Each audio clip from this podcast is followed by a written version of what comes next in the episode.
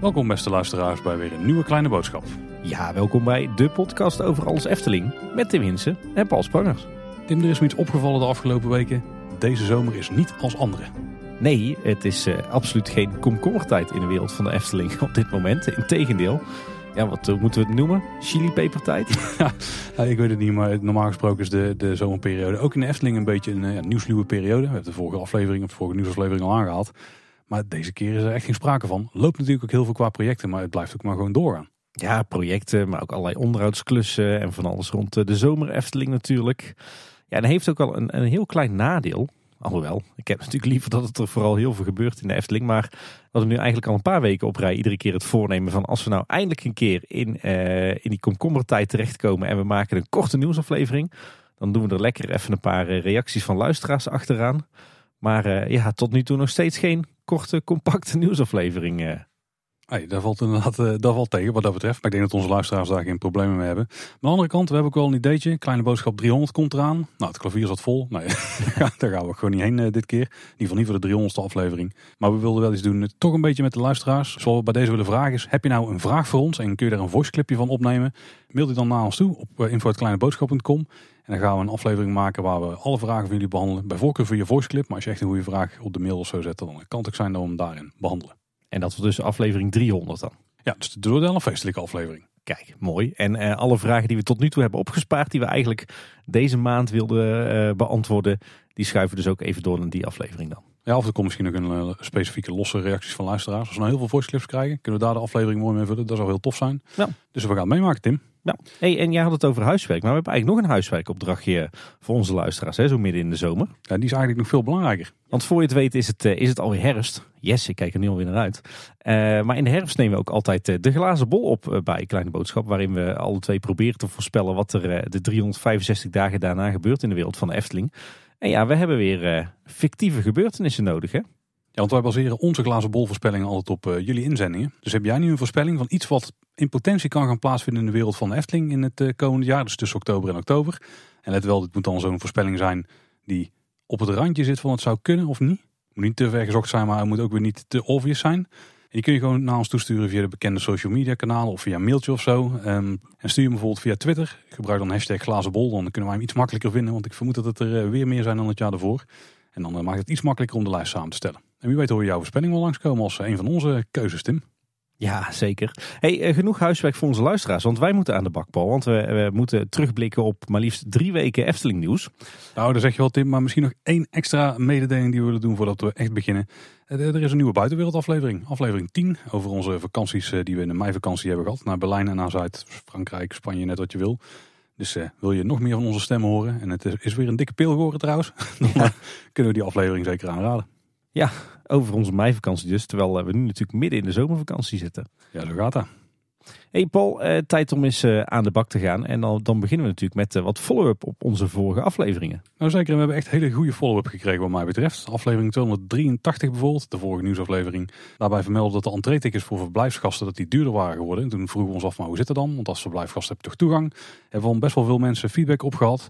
En het is zo dat als je een, een verblijf boekt op een van de Efteling resorts via bijvoorbeeld Albert Heijn dan is dat zonder tickets voor het park. Dat geldt natuurlijk ook als je abonnementhouder bent en je eh, neemt andere mensen mee die geen abonnementhouder zijn. Dan heb je dus alsnog tickets nodig. En daarvoor gelden dus die tickets eh, en die ticketprijzen die we toen hebben genoemd. Ja, in de aflevering daarna hadden we het natuurlijk over de financiën van de Efteling in 2021. En daar kregen we ook wat eh, goede feedback op. zo stelde Bas aan onze vraag. in de aflevering hadden jullie het over een grote betaling aan Intamin. En dat dit mogelijk voor Grand Circus Balancé was. Is het niet waarschijnlijker dat dit voor Dans Macabre was? Nou, we hebben het eh, even besproken natuurlijk met Roel van Tilborg. Ons eh, licht in de duisternis als het gaat om de financiën. En Roel geeft aan dat dat eh, inderdaad zomaar het geval zou kunnen zijn. maar hij zegt, laten we niet te veel fantaseren. Want hoe het letterlijk in de stukken staat, is dat er een speciale verzekering via Liechtenstein loopt. En dat hebben we zelf gekoppeld aan de mogelijkheid dat het misschien iets met Intermin te maken zou kunnen hebben. Ook gezien het bedrag. Maar inderdaad, Bas, je hebt gelijk. als het inderdaad een soort van reservering of, of betaling is aan Intermin, dan uh, is het inderdaad veel waarschijnlijker dat het voor Dans Macabre is dan voor Grand Circus Balancé. Ik twijfel er zelf wel een beetje aan, want als je naar de tijdlijnen kijkt en weet inmiddels wanneer het ontwerpproces van Dans Macabre is begonnen, dan denk ik dat dit nog voor het moment was dat het ontwerpproces echt in volle gang was. En dat ze het rijtype ook al hadden gekozen. Ja, en, en Grand Series Balancé is natuurlijk al langer, veel langer bekend. Dat was al langer uitgewerkt. Dus ik denk dat daar iets mee te maken heeft. En dan neemt niet weg dat als er bijvoorbeeld een som geld voor Intermin beschikbaar was, dat het misschien is verschoven naar het Dans Macabre project. Dat kan natuurlijk ook. Zodat de Intermin in ieder geval er zeker van was dat ze, eh, ondanks de coronacrisis die op dat moment natuurlijk heerste, dat ze toch eh, geld kregen voor de werkzaamheden die ze waarschijnlijk al voor de Efteling aan het uitvoeren waren. Of eh, in een stukje engineering of misschien al wel een stukje productie. We kregen nog feedback van Tom Mazij. Die schreef, ik hoorde jullie spreken over nummerplaatherkenning bij het uitrijden van de parking om zo tijd en personeel te besparen. Ik werk zelf voor een parkeerfirma en werk in een ondergrondse garage waar we dit systeem hebben. En ik garandeer dat het een groot drama zou zijn als de Efteling dit systeem zou toepassen op de parking.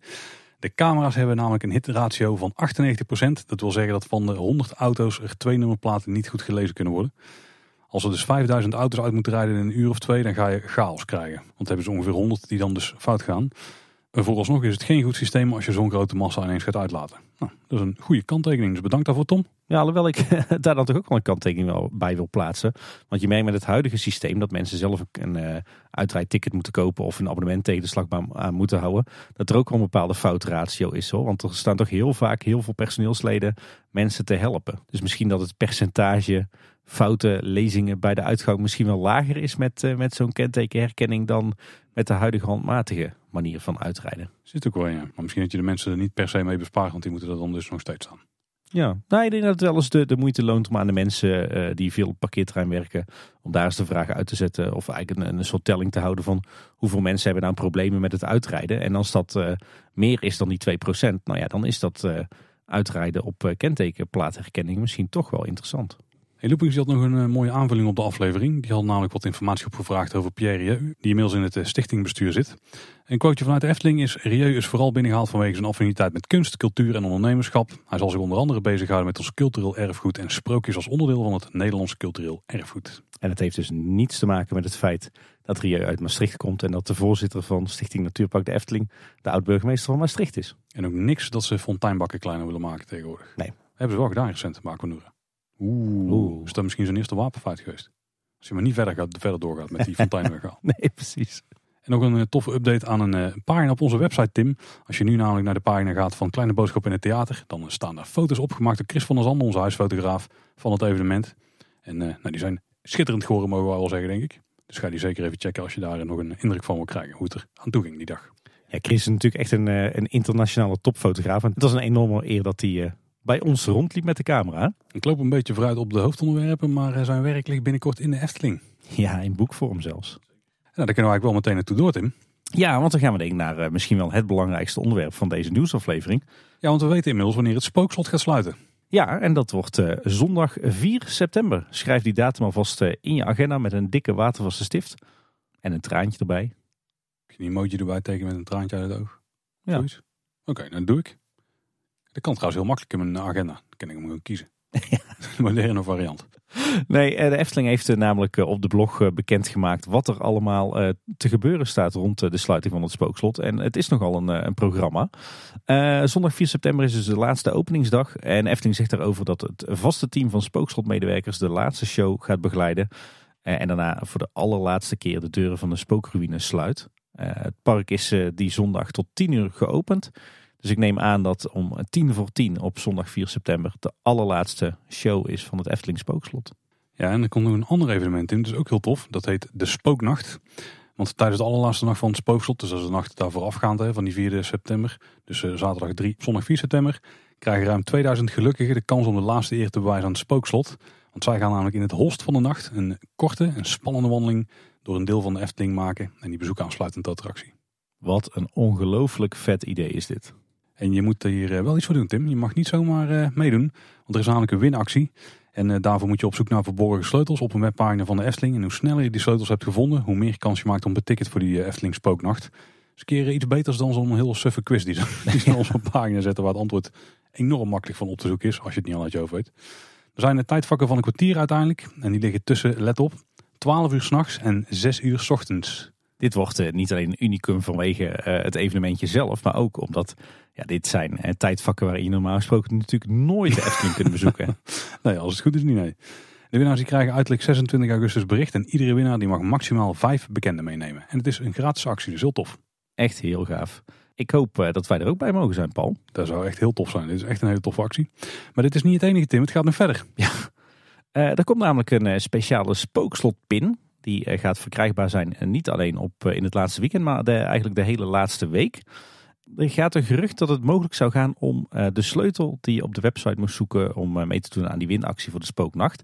Of in ieder geval een deel daarvan. Of het zou om een pinset gaan. Dat is nog allemaal niet duidelijk. Het is ook niet duidelijk wat de oplage wordt en eh, wat voor bijzonder logistiek processen dit keer weer gaan verzinnen om uh, die pin te kunnen bemachtigen. Maar laten we hopen dat het niet bij 2000 pins blijft. Want uh, ik denk dat je er hier ook al 5000 van kunt slijten. Dus, Makkelijk. Ja. ja, die pin die willen we natuurlijk allemaal. Er wordt ook gewerkt aan een afscheidsboek met tekeningen en foto's. En voor ons een hele bekende fotograaf, Tim, die heeft daar ook aan mee mogen werken. En als je 1 plus 1 op kan tellen, dan denk ik dat wel duidelijk is wie het is. Oh ja, hij plaatst op Twitter ook een klein previewtje. Hè? Ja, dat klopt. hey, maar Paul, even stilstaan bij dit moment. We krijgen gewoon eindelijk weer een boek. Dat vind ik wel even een moment. Oh, dat is een heel job. Ja, ja. Ik wou zeggen specifiek over een attractie, want dat is wel heel bijzonder. Ja, maar überhaupt een boek over de Efteling zelf. Dat, weet je hoe lang dat geleden is? Dat we een fatsoenlijk boek hebben gehad over de Efteling. Oeh, dat is misschien wel net zo lang geleden als het laatste attractieboek. Want dat, zal, dat is Vliegende Honden geweest trouwens, of niet? Laatste attractieboek. Ja, ik doelde eigenlijk natuurlijk op uh, de Chroniek van een Sprookje uit uh, 2002. Dat was natuurlijk, uh, is nog steeds onovertroffen. Maar ik, ik, ik heb de hoop dat dit toch wel in, op eenzelfde hoogte staat qua, qua kwaliteit en inhoud. Ik denk dat dit het moment wordt Tim dat ik weer eens een souvenir ga kopen in Efteling. Dat weet ik wel zeker. ik denk dat dit boek ook echt eh, de winkels uit gaat vliegen. Dat denk ik ook wel, ja. En dat is niet alles, want er verschijnen ook nog eens twee video's. Namelijk een eh, virtual reality video. Daarbij kun je jezelf echt onderdompelen in de show, alsof je er weer staat. Dus met een virtual reality bril op. Daar hebben ze echt de attractie voor in detail vastgelegd. En je kunt die ook zonder virtual reality bril kijken. Maar ook verschijnt er een walkthrough video waarin je als kijker al wandelend wordt meegenomen door de attractie.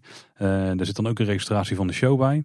En die video's worden beide later gepubliceerd in deze zomer op het Efteling YouTube kanaal. Dus die kun je al checken voordat de attractie sluit. Ja, dat kon je ook wel merken in het park. Want het uh, kwam de afgelopen dagen geregeld voordat er in nasluitingstijd een uh, videoploeg van de Efteling zelf bezig was in het spookslot. Nou, voor de mensen die dus bij het spookslot hebben gewerkt. En die krijgen ook nog een exclusief persoonlijk aandenken. Misschien een stuk piepschuim of zo. Ik ja, ik denk een stukje hoofdshow inderdaad, ja. En Efteling die kondigde dit alles aan met een, uh, een, een bijzondere afbeelding op Twitter. Of in ieder geval op social media, want ik heb op meer plekken langs zien komen. Ja, het voelde een beetje aan als een bitprintje of een rouwkaart eigenlijk. ja, ja, inderdaad. Nou, dat was het ook letterlijk, hè? ook met de, de datum van sluiting erbij. Ja. ja. Tim, het klinkt misschien vreemd, maar ik heb er gewoon zin in. Ja, jeetje, wat, eh, wat trekt de Efteling hier allemaal uit de kast? Ze hebben natuurlijk begin dit jaar bij de aankondiging van de sluiting van het spookslot ook al gezegd... we gaan waardig afscheid nemen van het spookslot. En we zorgen dat, uh, dat er voor iedereen een blijvende herinnering is. Maar wauw, dit, ze, ze, pakken echt enorm uit hè. Ja, dit gaat veel verder dan bijvoorbeeld wat ze bij de Bob hebben gedaan. Het, het voelt voor mij een beetje aan alsof de directie tegen een projectgroepje heeft gezegd van... jongens, bedenk nou eens wat kunnen we allemaal doen rond de sluiting van het spookslot. En dat die projectgroep dan terugkomt bij de directie na een maand. En dat ze dan zeggen van nou we, we kunnen een pin doen en uh, we kunnen een boek maken. Of we kunnen misschien iets met een winactie doen of misschien iets met video. En toen zei de directie ja. zo voelt het inderdaad. Ja, ja, ja, ik ben echt wel van mijn sokken geblazen hoor. Echt heel tof dat ze dit, uh, dit zo serieus aanpakken. En dat we op zoveel verschillende manieren ja, stilstaan bij het afscheid van het, uh, het spookslot. En uh, ja, ik denk dat ik zelf toch wel het meeste uitkijk naar dat afscheidsboek hoor. Met, met de ontwerptekeningen en heel veel mooie foto's. Ja, en dan komt de sluiting. Dus ik hoop dat wij er ook weer een mooi verslag kunnen maken voor de luisteraars. Ja, het wordt denk ik niet als sluitingsweekend hè. Zo bijna wel, ja. Want we krijgen natuurlijk een spooknacht en een laatste show. Laten we inderdaad hopen dat we ergens dat weekend uh, erbij mogen zijn. En uh, dan uh, doen we inderdaad natuurlijk verslag in de podcast. Ik heb alvast dat moment in geblokt in mijn agenda. Ik heb het hele weekend maar geblokt. dat is wel heel verstandig, denk ik. Ja. Slaapzakje mee. We hebben nu heel erg gefocust op de sluiting van het spookslot. Maar Dans Macabre is natuurlijk de grote vervanger die daarvoor in de plaats komt. En er zijn ook flink wel vorderingen geweest op dat gebied. Want op 4 juli deed de Efteling namelijk een vergunningsaanvraag voor het bouwen van een winkelruimte met toiletvoorziening. Doebings heeft uiteraard de tekening weer opgevraagd. En dit gaat om de vervanger van het Silent Fregat, die in uh, wat laatste arceringstekening van het gebied die we al gezien er net buiten leek te vallen. Ja, dus wij waren blij, want het Silent Fregat is natuurlijk een prachtig horecapuntje. Dus we waren al blij dat het niet verdween, maar uh, dat bleek, uh, ja. Nou, je zegt we, maar... Oké, okay, nou dat vond ik dan, maar nee, dat bleek ijdele hoop, want uiteindelijk gaat het Silent Fregat nu dus toch verdwijnen. Ja, het wordt dus vervangen door een gebouw in de stijl van Dans Macabre. En daarin komen een souvenirwinkel en Tim, Het toiletgebouw. Hey. Ja, ja, was natuurlijk weer helemaal blij, Paul. Ik eh, was helemaal in mijn nopjes. Krijg- ik, ik krijg al steeds vaker de vraag van mensen of de record van wat, wat heeft Paul toch met toiletten en toiletgebouwen? Het toilet is toch gewoon de plek om even tot rust te komen? Het, eh, het ultieme escapisme wil je zeggen. Ja, misschien, ja, dat is het misschien wel, ja. Kijk nou, dan hebben de luisteraars meteen eh, antwoord op de vraag. Weet je wat het is? De toiletten zijn het, het belangrijkste ding in een pretpark waar je niet bij stilstaat, denk ik. Oh, je gaat ook serieus die vraag nog serieus beantwoorden. En kijk, attracties en zo zijn mooi, maar ja, als er een paar dicht zijn of eh, die, die, die, die doen het niet, ja, dat is vervelend. Maar weet je wel, als je in, in, in een park bent en je moet jezelf de hele dag vermaken, laat het gewoon een stadspark zijn. Maar je kunt niet naar het toilet. Dat is toch vrij eh, zuur, letterlijk, in sommige gevallen. Ze zijn het belangrijkste ding in een pretpark waar je niet bij stilstaat. Dat vind ik eh, mooi. Je kunt ook niet zelf een toilet meenemen in tegenstelling tot eten en drinken. Tenzij je met de camper bent natuurlijk. Ja, maar dan kan je meestal niet het pretpark mee inrijden. Behalve dan eh, in Denemarken, bij de Sommerlands. We, wijken, we wijken iets te veel af van ons draaiboek, eh, Paul. Kom op. Doen we nooit. Nee. Dan wordt het weer eens tijd voor een eh, grondige tekeninganalyse. Want eh, deze is helaas niet zo gedetailleerd als bijvoorbeeld die van, eh, van het Efteling Grand Hotel. Maar we hebben wel grofweg de vorm van het eh, gebouw gezien. Het is best interessant wat ze hebben gedaan met de ligging van het gebouwtje. Want als je kijkt naar het huidige Silent Vergat, dan zitten die, eh die uitgiftebalies die, die wijzen een beetje richting Casa Caracol. En daar komen straks ook wat deuren. En die geven dan toegang tot de souvenirwinkel. Maar het, het gros van het gebouw is echt gericht richting het huidige spookslot. Dus richting het nieuwe plein wat we daar eh, verwachten. En dan zit daar één toegangsdeur eh, tot ehm, de winkelruimte. Er zit ook wel nog wat dienstruimte, entrees daar. En dan heb je aan de andere kant van het gebouwtje, dus meer richting Max en Moritz, maar nog steeds wel met de ingang wijzend naar het spookslot. Of eigenlijk dus naar Dans Macabre. Daar zit de ingang eh, tot de toiletgroep. En het gebouw zelf is eh, langwerpig met een eh, lichte knikker in. En aan één uiterste uiteinde, daar zit de winkel. Andere uiterste uiteinde, daar zit de toiletgroep. En daartussenin zit dus een, eh, wat dienstruimtes. Ik vermoed ook een toilet en een eh kantineruimte en zo, want die staan er nu ook achter eh, het Silent Fregat. Maar allemaal dus georiënteerd op het nieuwe Dans Macabre plein. Ja, en als, je- als je dan kijkt naar de indeling van het gebouw, dan lijkt het er haast op alsof eh, ook deze toiletgroep weer genderneutraal gaat worden. Net zoals die bij eh, Efteling Grand Hotel. Nou, het zal je niet verbazen dat mijn fascinatie voor die ruimtes dat ik eh, daar al wat in heb zitten tekenen. En het zou nog steeds kunnen dat ze hier twee ruimtes van maken hoor. Want de op, het oppervlak van het toilet is best wel groot. Volgens mij heb ik zitten uitrekenen dat er 24 toilet eh, hokjes in zouden passen. Dus dan zou je nog steeds wel twee, ja, twee paden kunnen maken. Maar met de, met de indeling van het gebouw zoals het nu staat, zou dat toch wel vreemd zijn als het eh, twee losse groepen worden, zeg maar. Misschien dat er wel weer een urinoire groep komt. Nou, dan kan er echt eh, de halve Westling tegelijk naar het toilet, denk ik. Ja. En één eh, kant met, met hokjes. En dan nog een stukje voor de wastafels. Maar dat wordt een flinke toiletgroep, hoor. onderschat het niet. Ook wel echt iets wat ze nodig hadden in die hoek van het park. Ook in het midden vrij veel dienstruimtes. Hè. Je had het er al over. eh, er zal waarschijnlijk wel een kantine komen, misschien wat opslag. Maar het kan natuurlijk ook zo zijn dat ook hier een, eh, ruimte komt voor het entertainment. Hè. Die hebben nu natuurlijk achter het Silent Vergat een aparte eh, unit waar ze in kunnen verblijven en kunnen omkleden. Nou, die zal ook wel verblijven. En ja, dan is dat dit middengedeelte van dit gebouwtje natuurlijk perfect geschikt om ook een fatsoenlijke ruimte te maken voor het, het entertainment wat in het Anderrijk rondwandelt. En die zit ook nog daar. Nou, het is wel sowieso wel interessant, want eh, je ziet bijvoorbeeld dat één deur van de dienstruimte die wijst naar de Dans plein, om het zo maar even te noemen. Mhm. En aan de andere kant van het gebouwtje, er zitten ook heel veel deuren met toegang tot die ruimtes. Maar die komen dus uit op de plek waar nu ongeveer het terrasje van het Silent Fregat ligt. Ja, ja, en daar zal dan eh, denk ik in de toekomstige situatie wel een soort eh, back of the house zijn. Met Ja. wat opslag en misschien ook een buitenterras voor het personeel. En zou er ook niet, nee, er komt geen klein horecapuntje in, als we het zo zien. Nee. Nee, nee, nee, dat lijkt eh, toch weer op een andere plek te komen. Ja, en als we kijken naar de, win- naar de winkel, dan is het natuurlijk wel heel interessant dat die van twee kanten benaderbaar is. Hè. Hij heeft eigenlijk eh, een soort van hoofdingang eh, vanaf de kant van de Piranha. En ook een soort zijingang vanaf wat waarschijnlijk het entreegebied van de Macabre gaat worden. Ik vind het eigenlijk wel vreemd dat hij zo ver dan van het toilet af ligt en dat daar eigenlijk een heel stuk ja, muur dadelijk tussen zit met één deurtje voor een dienstruimte. Ik ben heel benieuwd hoe ze dit aan gaan kleden en of dat hier nog wat groen tussen komt om het een van het ander af te scheiden of zo. Want ondanks dat het één gebouwtje is, wil ze het misschien dadelijk laten overkomen als twee losse gebouwen bijna. Ja, ik denk het. Of in ieder geval die functies wel heel erg van elkaar scheiden. Maar maar ook omdat dus de hoofdingang van de winkel meer richting eh Piranha lijkt te wijzen, zou het ook nog een soort van thematische scheiding maken. Dat van de ene kant van het gebouw het meer Dans Macabre uitstraalt, aan de andere kant misschien meer dat eh, ja, Mexico of in ieder geval Centraal-Amerikaans. Ja. ja, de vraag is ook even, wat wordt het thema van de winkel? Hè? Gaan ze eh, voornamelijk Das Macabre merchandise verkopen? Of toch ook, komt er Piranha merchandise? Het is natuurlijk lastig te combineren, tenzij je kiest voor het thema van de Dias eh, de, la, de las Muertas. Maar dat zal niet het geval zijn. Dus nee, dit is interessant. Het is nog, nog veel gissen. Nou, Silent Fregat gaat dus wel definitief weg, Tim. Ja. ja, heel jammer, vind ik. Kijk, het, het, is natuurlijk maar een unit als je het plat wilt slaan. Maar het is wel een enorm typisch Eftelings horecapuntje toch? Met een prachtige bouwstijl. Een schitterend bord bovenop. echt zo'n zo'n authentiek ouderwets Eftelings horecapuntje. Het voelt wel als een van die klassieke plekken die nu gaat verdwijnen inderdaad. Ja, ja ik vind dat jammer. Ik, ik ben op zich wel voor dat ze meer in thema gaan doen. En dat doen ze hier dan wel. En het is een beetje zo'n allegaartje. Misschien is dit wel het gebouwtje wat het hele hoekje bij elkaar kan trekken. Of, of, of juist misschien juist meer van elkaar kan afscheiden. En dat het daardoor beter bij elkaar past. Ja, maar ja, op zich een, een souvenirwinkel voor de Piranha lijkt me ook uh, hoogst onwaarschijnlijk. Ja, ja, nou ja, als je poncho's wil verkopen. Misschien dat die kar dan ook wel weg gaat daar. Die Unox kar. Nee, die zal wel blijven. die is net nieuw. Dat was vroeger de poncho verkoopplek natuurlijk. Die hebben ze net nieuw neergezet, toch? Nou, nee, dat klopt. Hm. Ja, sowieso uh, heb ik best wel veel vragen hoor. Want ik ben bijvoorbeeld benieuwd. Hè, we, hebben, we hebben tekeningen gezien of ik uh, schetsen van uh, een koetshuis. Wordt dit dan het koetshuis? Of wordt dat dan de horeca? waar komt nou straks de horeca? Komt die in het, het hoofdgebouw? Of wordt er weer een apart gebouw voor weggezet? Ja, ik vermoed ook steeds meer dat hij in het hoofdgebouw gaat komen. Maar dan hoop ik vooral dat er ook ruimte is voor een groot terras. Want daar gaan we je natuurlijk wel verliezen. En op zich, op het Spookselplein is wel een mooie plek in de schaduw. Ja, en als we het kijken over wat er allemaal weggaat, dan ben ik ook wel benieuwd. Waar gaan we straks die suikerspin kunnen scoren? Nou ja, en een suikerspin zou natuurlijk een eh, perfecte signature snack kunnen zijn. Ik bedoel, ja. Maak een suikerspin en gooi er een snoepje op met een of ander spinnetje. Die heb je vast volgens mij van drop of zo. Ja, ja, ja. Ja, dan ben je al klaar. Ja, dat is waar. Um, wat ik wel hoop trouwens, want eh, het Silent Vergat gaat dus weg. Ik hoop wel dat ze die prachtige oude beuken die we nu nog vinden op het terras van het Silent Vergat, dat ze die toch alsjeblieft wel sparen. Zo, dat hoop ik ook. Ja. Er zijn al zoveel bomen gesneuveld in, eh, in die hoek. En ik ben trouwens wel benieuwd of dat dit gebouwtje ook weer zo'n typisch voorbeeld uh, wordt van uh, de unitbouw die de Efteling de laatste tijd veel toepast. Hè. Natuurlijk vroeger of voorheen bij de Vrolijke Noot op het Warrelplein, maar we zien het nu ook weer bij het, het facilitair gebouw aan de parkeerpromenade. Hè. Ik ben benieuwd of dit ook weer zo'n ja, zo'n vierkant unitje wordt waar ze wat geveltjes tegenaan schroeven. Ja, op die manier. Nou, ik denk dat het niet dezelfde manier van bouwen wordt. Als ik zie wat voor uh, hoeken en zo erin komen te zitten.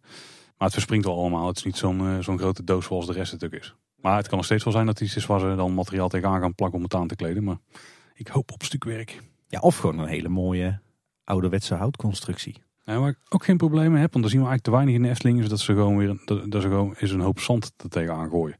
Om het zo af te, als Bedoel je dat, uh, dat die half in een soort zandberg ligt of zo? Nou, niet half, maar je hebt bijvoorbeeld die hoek tussen het toilet en de dienstruimte. Als je daar gewoon uh, zand tegen het gebouw werkt en je zet een beplanting op. Dan, dan is het ook een mooie manier om het een beetje van elkaar te onttrekken. Dat je ook wel verschil krijgt. Heb je toch weer de hoogteverschil dat je tussen de bos loopt. Nou, weet je wat dan leuk is? Het, eh, we hebben natuurlijk al wat tekeningen gezien. Het entreegebied van Dans Macabre wordt natuurlijk een beetje een begraafplaats. Ja, daar heb je natuurlijk heuvels met bomen erop en grafmonumentjes. Je zou dit natuurlijk ideaal op die manier kunnen thematiseren. Ik heb me helemaal voor, Tim. Ja, plassen op het kerkhof. Hey, maar dit is dus weer een vergunning. Uh, de Efteling Canada al over een week of. Uh, nou ja, hij ligt er al een tijdje inmiddels. Efteling Canada, eind van de zomer. Dan gaat ook hier wat mee gebeuren. En het zal eerder klaar zijn dan het spookslot, uiteraard. Dus na de zomer gaat Silent Forgot ook dicht. Vrij direct na de zomer. Ja, dat is even de vraag. De vraag is natuurlijk wanneer moet het klaar zijn. Hè? Kijk, als het klaar moet zijn als uh, Dans Macabre klaar is in 2024, ja, dan hoef je hier nog lang niks te gaan doen. Dan kan je het Silent Vergat zelfs nog uh, tot de zomer van 2023 open houden. Maar als je zegt, we gaan het spookslot slopen en we hebben geen toiletten meer in deze hoek van het park. Dus we moeten zo snel mogelijk hier weer toiletten hebben. Ja, dan zou het inderdaad best wel eens kunnen dat, dat het heel snel gaat. Zou dan een tijdelijke ingang naar die toiletten krijgen? Nou, misschien moeten we dan maar eens gewoon gaan bekijken zodra we meer weten over de timing van het alles. Maar misschien dat we na de zomer al wel hier ontwikkelingen zien. Want waarom zou je het anders zo vroeg aanvragen? Daar zit wel in. Ja, we gaan het zien. We hebben ook nog wat eh, andere dingen gezien. Als je namelijk de parkplattegrond op efteling.com bekijkt en je kijkt naar het huidige spookslot en je kijkt heel goed, dan zie je dat daar eh, een kat bij de uitgang van het spookslot zit. Een zwarte kat. Ja, dat is toch wel een hele leuke easter egg. Hè? Want die verwijst natuurlijk naar de plannen voor Dans Macabre. Waarin die, die kat, die, uh, die dan een geel en een blauw oog heeft. Waarin die toch wel een uh, belangrijke rol speelt. Nee, die komt alvast kijken. Maar waar zijn nieuwe onderkomen gaat verschijnen. Ja, heel tof.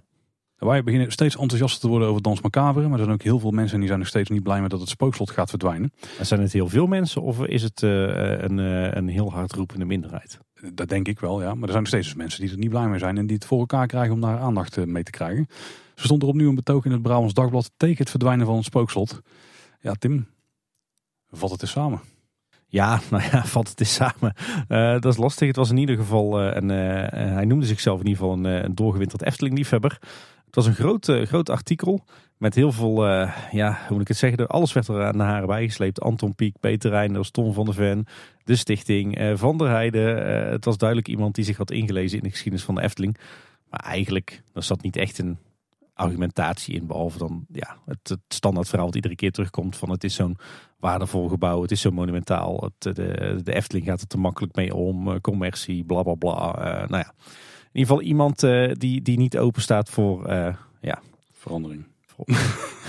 dat sowieso niet. Maar ook niet voor uh, het, het, het, het, feitelijke, rationele verhaal waarom het spookslot uiteindelijk gaat verdwijnen. Want ja, ehm, men stapt allemaal heel makkelijk over het feit heen dat het spookslot gewoon in een hele slechte staat is en moet verdwijnen. Ehm, men zegt altijd van ja, laat het maar gewoon staan.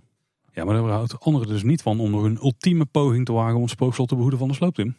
Ja, inderdaad, want we hebben het er al eerder over gehad. Hè. Uh, het Kuipersgenootschap, maar ook de werkgroep Nostalgische Efteling. Ik uh, ken ze nog niet, maar het zal een nieuw uh, initiatief zijn. Denk ik, nieuw initiatief zijn, ja. Die hebben bij de gemeente Loon op Zand al eerder een verzoek ingediend om het spookslot aan te wijzen als gemeentelijk monument. Je zou zeggen dat is rijkelijk laat, maar het verzoek hebben ze al een hele tijd geleden ingediend. Alleen werd er door de gemeente daarna gevraagd om een, om een brede onderbouwing van het verzoek. En die is vorige week alsnog aangeleverd. Dat wordt wel spannend, want de commissie ruimtelijke kwaliteit van onze gemeente die erover moet gaan beslissen, die komt eind augustus pas bij elkaar. Natuurlijk vanwege de zomervakantie. En zij brengen dan een advies uit aan burgemeester en wethouders die daarna een besluit erover gaan nemen. Uh, die mogen het advies van die commissie trouwens naast zich neerleggen. En het besluit van uh, burgemeester en wethouders, dat is er dan op zijn vroegst pas half september. Als ze meteen een knoop kunnen doorhakken. Maar ja, dan is het spookslot natuurlijk al dicht. En misschien al wel deels gesloopt. Goede, kant, goede kanttekening daarbij is trouwens dat als het spookslot wel zou worden aangewezen als monument door uh, burgemeester en wethouders, de kans daar, uh, daarop acht ik klein. Uh, hè, als je ziet hoe dat de gemeente toch in de meewerkstand staat bij de Efteling. Dan kan de Efteling ook nog bezwaar maken tegen die aanwijzing als monument. ja, dan ga je natuurlijk uiteindelijk richting de, de rechtbank en uiteindelijk zelfs de Raad van State. Maar dat begint natuurlijk wel allemaal met het punt dat het aangewezen moet worden als een monument. En ik heb zo'n vermoeden dat de gemeente dat niet gaat doen. En de gemeente zegt ook, zolang het geen monument is, kan de Efteling dus gewoon gaan slopen. Ja, inderdaad. En Efteling hoeft ook geen vergunning voor aan te vragen. Een melding is voldoende. Dat uh, wist, uh, zelf ook al eerder melden. Het Brabants Dagblad heeft trouwens meteen nog even aan Efteling gevraagd... wanneer gaan jullie dan aan de slag met de sloop van het spookslot? Maar daar uh, doet de Efteling nog geen uitspraken over. de voorbereidende werkzaamheden die starten wel direct na het afscheid op 4 september. en daarbij beginnen ze binnen bijvoorbeeld met het veiligstellen van zaken die ze willen bewaren. Nou ja, dat uh, klinkt natuurlijk weer uh, hoopgevend. Ja. En de verdere planning van het project die wordt later pas duidelijk. Dat hangt namelijk ook af van wat ze tijdens de werkzaamheden tegenkomen. Ik kan me voorstellen dat het ook moeilijk in te schatten is hoe makkelijk of hoe lastig het is om bepaalde elementen ja, voorzichtig te verwijderen. En ook asbest is denk ik nog wel een dingetje gezien het bouwjaar van het spookslot. Dus ik kan me voorstellen dat, dat de exacte start van de sloop dat dat nog even onduidelijk is. De Efteling die, die voegt er nog aan toe dat ze, zich, eh, dat ze nu vooral eerst focussen op een goed afscheid van het spookslot met eh, bezoekers en medewerkers. Nou, dat is eh, te merken. Nou, wat betreft de groep is het spookslot een uiterst markant voorbeeld van architectuur gericht op een bijhorende verhaallijn. En in de 20e eeuw bovendien een zeer zeldzaam voorbeeld. Oh, de laatste ben ik het niet echt mee eens. Nee, ja, ik vind het een beetje een rare argumentatie. Beetje, ja, beetje zweverig of zo. Een beetje zoeken naar argumenten, denk ik. Ja, kijk, eh, begrijp me niet verkeerd, hè, want eh, ik stapte er net wel heel makkelijk overheen op de, de, over de zoveelste ingezonden brief. Kijk, eh, ik denk dat wij het allebei ook ontzettend zonde vinden dat het spookslot verdwijnt. Maar ja, je moet gewoon heel reëel zijn. Het ding, het gebouw, de installaties is in zo'n slechte staat. Dat moet gewoon volledig weg. Ja, en als je het nu moet gaan herbouwen in exact dezelfde staat, dat is zo gigantisch duur. Je wint er geen enkele bezoeker mee. Ja, steek het dan alsjeblieft in een nieuwe attractie waar je wel bezoekers mee binnenhaalt. En waarmee je een fantastisch eerbetoon een eigen tijdseerbetoon kunt, uh, kunt bouwen aan het oude spookslot. Maar het houdt toch geen steek om 25 miljoen uit te geven aan een exacte replica van het spookslot. Met nul attractieve waarde meer, toch? Nee, maar daar waren we het al heel lang over. Ja, precies. En nog wel een, een andertje onder het gras. Want je zou zeggen kat in het bakje voor de Efteling. Want uh, ze zijn te laat en de gemeente houdt de Efteling ook niet tegen. En wat nog zou kunnen is dat uh, het, het Kuipersgenootschap en uh, die werkgroep Nostalgische Efteling. Klinkt trouwens als een club waar ik me ook wel voor zou kunnen aanmelden. Maar in dit geval is dat, dat zal ik dat maar niet doen. Maar die kunnen nog naar de rechter stappen om een voorlopige voorziening aan te vragen. En de geoefende kleine boodschapluisteraar die heeft deze term al wel eerder voorbij horen komen. Ja, want deze context kan ik er toch niet zoveel mee. Want zien dat er nou een procedure loopt. Nee, maar ja, wat is een voorlopige voorziening? Dan vraag je eigenlijk een rechter van, joh, er loopt een bestuurlijk traject. Maar loopt er dan in dit geval? Nou ja, er is een, een aanvraag gedaan om iets aan te wijzen als gemeentelijk monument. Ja. En als dan het risico bestaat dat, eh, dat een partij, als bijvoorbeeld in dit geval de Efteling, eh, alvast gaat slopen eh, in afwachting van dat traject. Hè, zo van, dan, eh, dan, dan is het maar vast plat, dan heeft die aanvraag ook geen zin meer. Dan kan een rechter ertoe beslissen dat de Efteling dus totdat die procedure is afgerond, het spookslot niet mag slopen. Ik geef het toch weinig kans. Ook omdat de gemeente dan gewoon kan zeggen, nee, wordt het niet. Actie. Ja, maar de gemeente heeft het dus uiteindelijk niet het laatste woord in. Uiteindelijk heeft de rechter, de bestuursrechter, daar het laatste woord in. Over die voorlopige voorziening. Ja. Of als de beslissing wordt genomen door de gemeente, dan is het toch... Heeft de rechter er niks meer mee te maken, toch? Nee, nee, nee, dat niet. Alleen betekent dat dus wel dat de Efteling moet wachten met de sloop van het spookslot. Tot de gemeente een uitspraak heeft gedaan over de monumentstatus van het spookslot. Daar zie ik eh, weinig probleem in, Tim. Tenzij dat het Kuipersgenootschap daar vervolgens weer bezwaar tegen aantekent en zegt we gaan eh, eh, richting de rechter. Echt, Ook hoor. dat kan nog. zit zo heel diep. Tim, ik ben wel een beetje klaar met speculeren over eh, wat er allemaal gaat gebeuren in rechtszalen en zo. Zullen we gewoon verder gaan met de nieuwsaflevering? Het is wel een soort déjà vu, hè? want dat hebben natuurlijk ook heel lang gehad met het bestemmingsplan, toch? Nee, nee, nee, nee, nee, nee, nee. We gaan gewoon verder. Oké, jij je zin. Er zijn ook al werkzaamheden bezig namelijk rondom het project. Want er wordt een bouwinrit geklust. En daar is ook de oude bouwinrit verdwenen voor Bekkerij Krumel. Die is ook gebruikt voor de bouw van Max en Moritz volgens mij. Ja, klopt. Die lag namelijk eh, achter het Fata Morgana evenementencomplex. Daar was een eh, poort geplaatst, een tijdelijke poort. Die is weggehaald. Die eh, poort is namelijk verplaatst naar de nieuwe bouwrit van Dans Macabre. Het, het hekwerk daar is al hersteld. En die komt dan weer uit de nieuwe opening die ze hebben gemaakt voor de bouwrit van Dans Macabre. Ja, dat hebben ze heel slim omgewisseld inderdaad. Lekker eh, kostefficiënt, toch? Dat is een goede wisseltruc. Eh er ligt inmiddels ook weer een grondwal achter, achter het stuk waar eh, de pad was. Dus het wordt, daardoor wordt het Fata Morgana evenementencomplex een beetje ontrokken uit het zicht. Ja. Er zal ook wel nieuw groen op geplaatst zijn inmiddels al. wat nog moet groeien. En ze hebben daar ook natuurlijk het struinpad, wat ze recent hebben aangelegd. Ook daar gewoon doorgetrokken. Dus allemaal weer netjes hersteld. Ja, je ziet bijna niet meer dat daar toch een aantal jaren bouwinrit heeft gelegen. Bijna niet. Maar eigenlijk nog steeds best wel goed. Maar over, ik denk een half jaar, dan zie je er uh, vrij weinig meer van. Hey, en dan de, de bouwinrit voor Dans Macabre. Die komt uh, inderdaad op de plek die wij eigenlijk al voorspeld hadden. Namelijk uh, tussen de Piranha en Joris en de Draak. Ja, want ze hebben daar inmiddels een hoop groen weggehaald. Vrees niet, geen bomen. Um, er is ook uh, wat puin aangebracht hè, voor een, een, pad. Dus er wordt niks van, lijkt niks van asfalt gelegd te worden daar. Of draaien ze er nog overheen? Misschien komt dat nog. Dat, die kunnen ze ook over de, de puin heen draaien inderdaad. Ze hebben dus daar de grote wisseltruc gedaan. Want er staat al een grote bouwpoort nu. Dus het is gewoon een oude bouwpoort. Ja, en ze zijn niet alleen aan het klussen aan de kant van de, zeg maar de buitenkant van de Efteling. De Eftelingse straat, maar ook al in het park. Want ze zijn nu hard aan het werk aan het maken van een uh, spoorwegovergang. Speciaal voor bouwverkeer. Uh, ze hebben daar nu met, ook met puin een en ander verhard. Er staan al van die, van die Andreas kruisen. ze zijn al wat kabels en leidingen aan het leggen daar. En ook als je nu in het park loopt, zeg maar op het pad vanaf Joris en de Draak richting Fata Morgana. Dan kun je al het een en ander zien. Dat pad is inmiddels helemaal afgezet met, met dranghekken. En ze zijn daar dus al in die hoek voorbereidingen aan het treffen om de bouwweg daarop aan te sluiten. En hoe gaat die nou exact lopen? Want dat weten we nu vrij goed toch? Nou ja, we weten eigenlijk alleen het eerste stuk. Hè. Dus uh, er komt uh, ook hier weer gewoon een afslag uh, van de Eftelingse straat. De weg die achter de Efteling doorloopt. Ter hoogte van eigenlijk het, het, pad tussen Joris en de Draak en de Piranha in. Daar gaat hij het park in, steekt hij het spoor over. En dan denk ik dat hij aantakt op het, het huidige pad van die wandelroute tussen Joris en de Draak en de Fata Morgana. En dat zal weer worden afgesloten. En dat wordt dan bouwweg. de vraag is alleen, waar steekt hij de kanovijver over, de voormalige kanovijver. En hoe kom je dan uiteindelijk terecht bij het huidige spookslot? Nou ja, daar hebben we natuurlijk eerder al een voorspelling over gedaan hoe dat gaat plaatsvinden. Ze zullen op één plek zullen ze het, uh, zeg maar de, het bezoekersverkeer moeten kruisen. Nou ja, dat zullen ze wellicht oplossen met verkeersregelaars of vooral al het uh, transport beperken tot ochtends en 's avonds.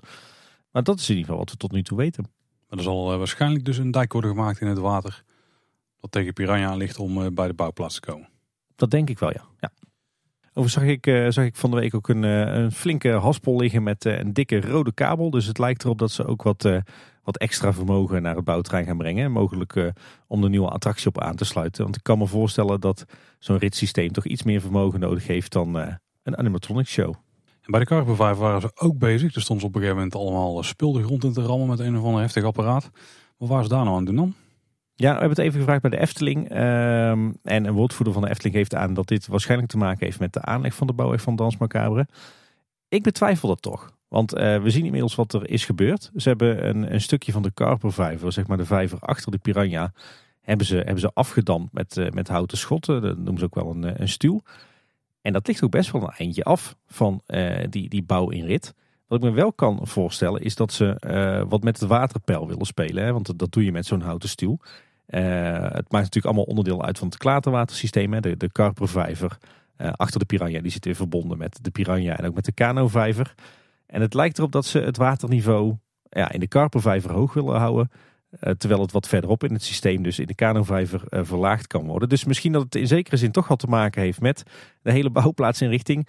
Maar het, ja, het is in ieder geval een stuw. En wat hij nu op dit moment feitelijk doet, is dat er twee waterniveaus zijn in de karpervijver. Een hoog niveau en een lager niveau. Overigens wordt er ook al uh, overal volop gewerkt aan voorbereidingen voor kabels en leidingen. Zo is er al wat asfalt opengezaagd tussen de Piranha en Joris en de Draak. En op het Piranhaplein er zijn ook al alle bestaande kabels en leidingen in beeld gebracht met uh, markeringen op het asfalt. Dus ook dat is wel weer een teken aan de wand dat de, de route voor bouwverkeer zo gaat lopen. En helemaal in het zuidelijkste deel van Strookrijk, dus de, de uitbreiding naast de Horst, dus de oostelijke uitbreiding van het park, daar is een heel stuk. Er is zo'n doek neergelegd van die folie en dan een hoop puin erop gegooid en dat is dan weer geëgaliseerd.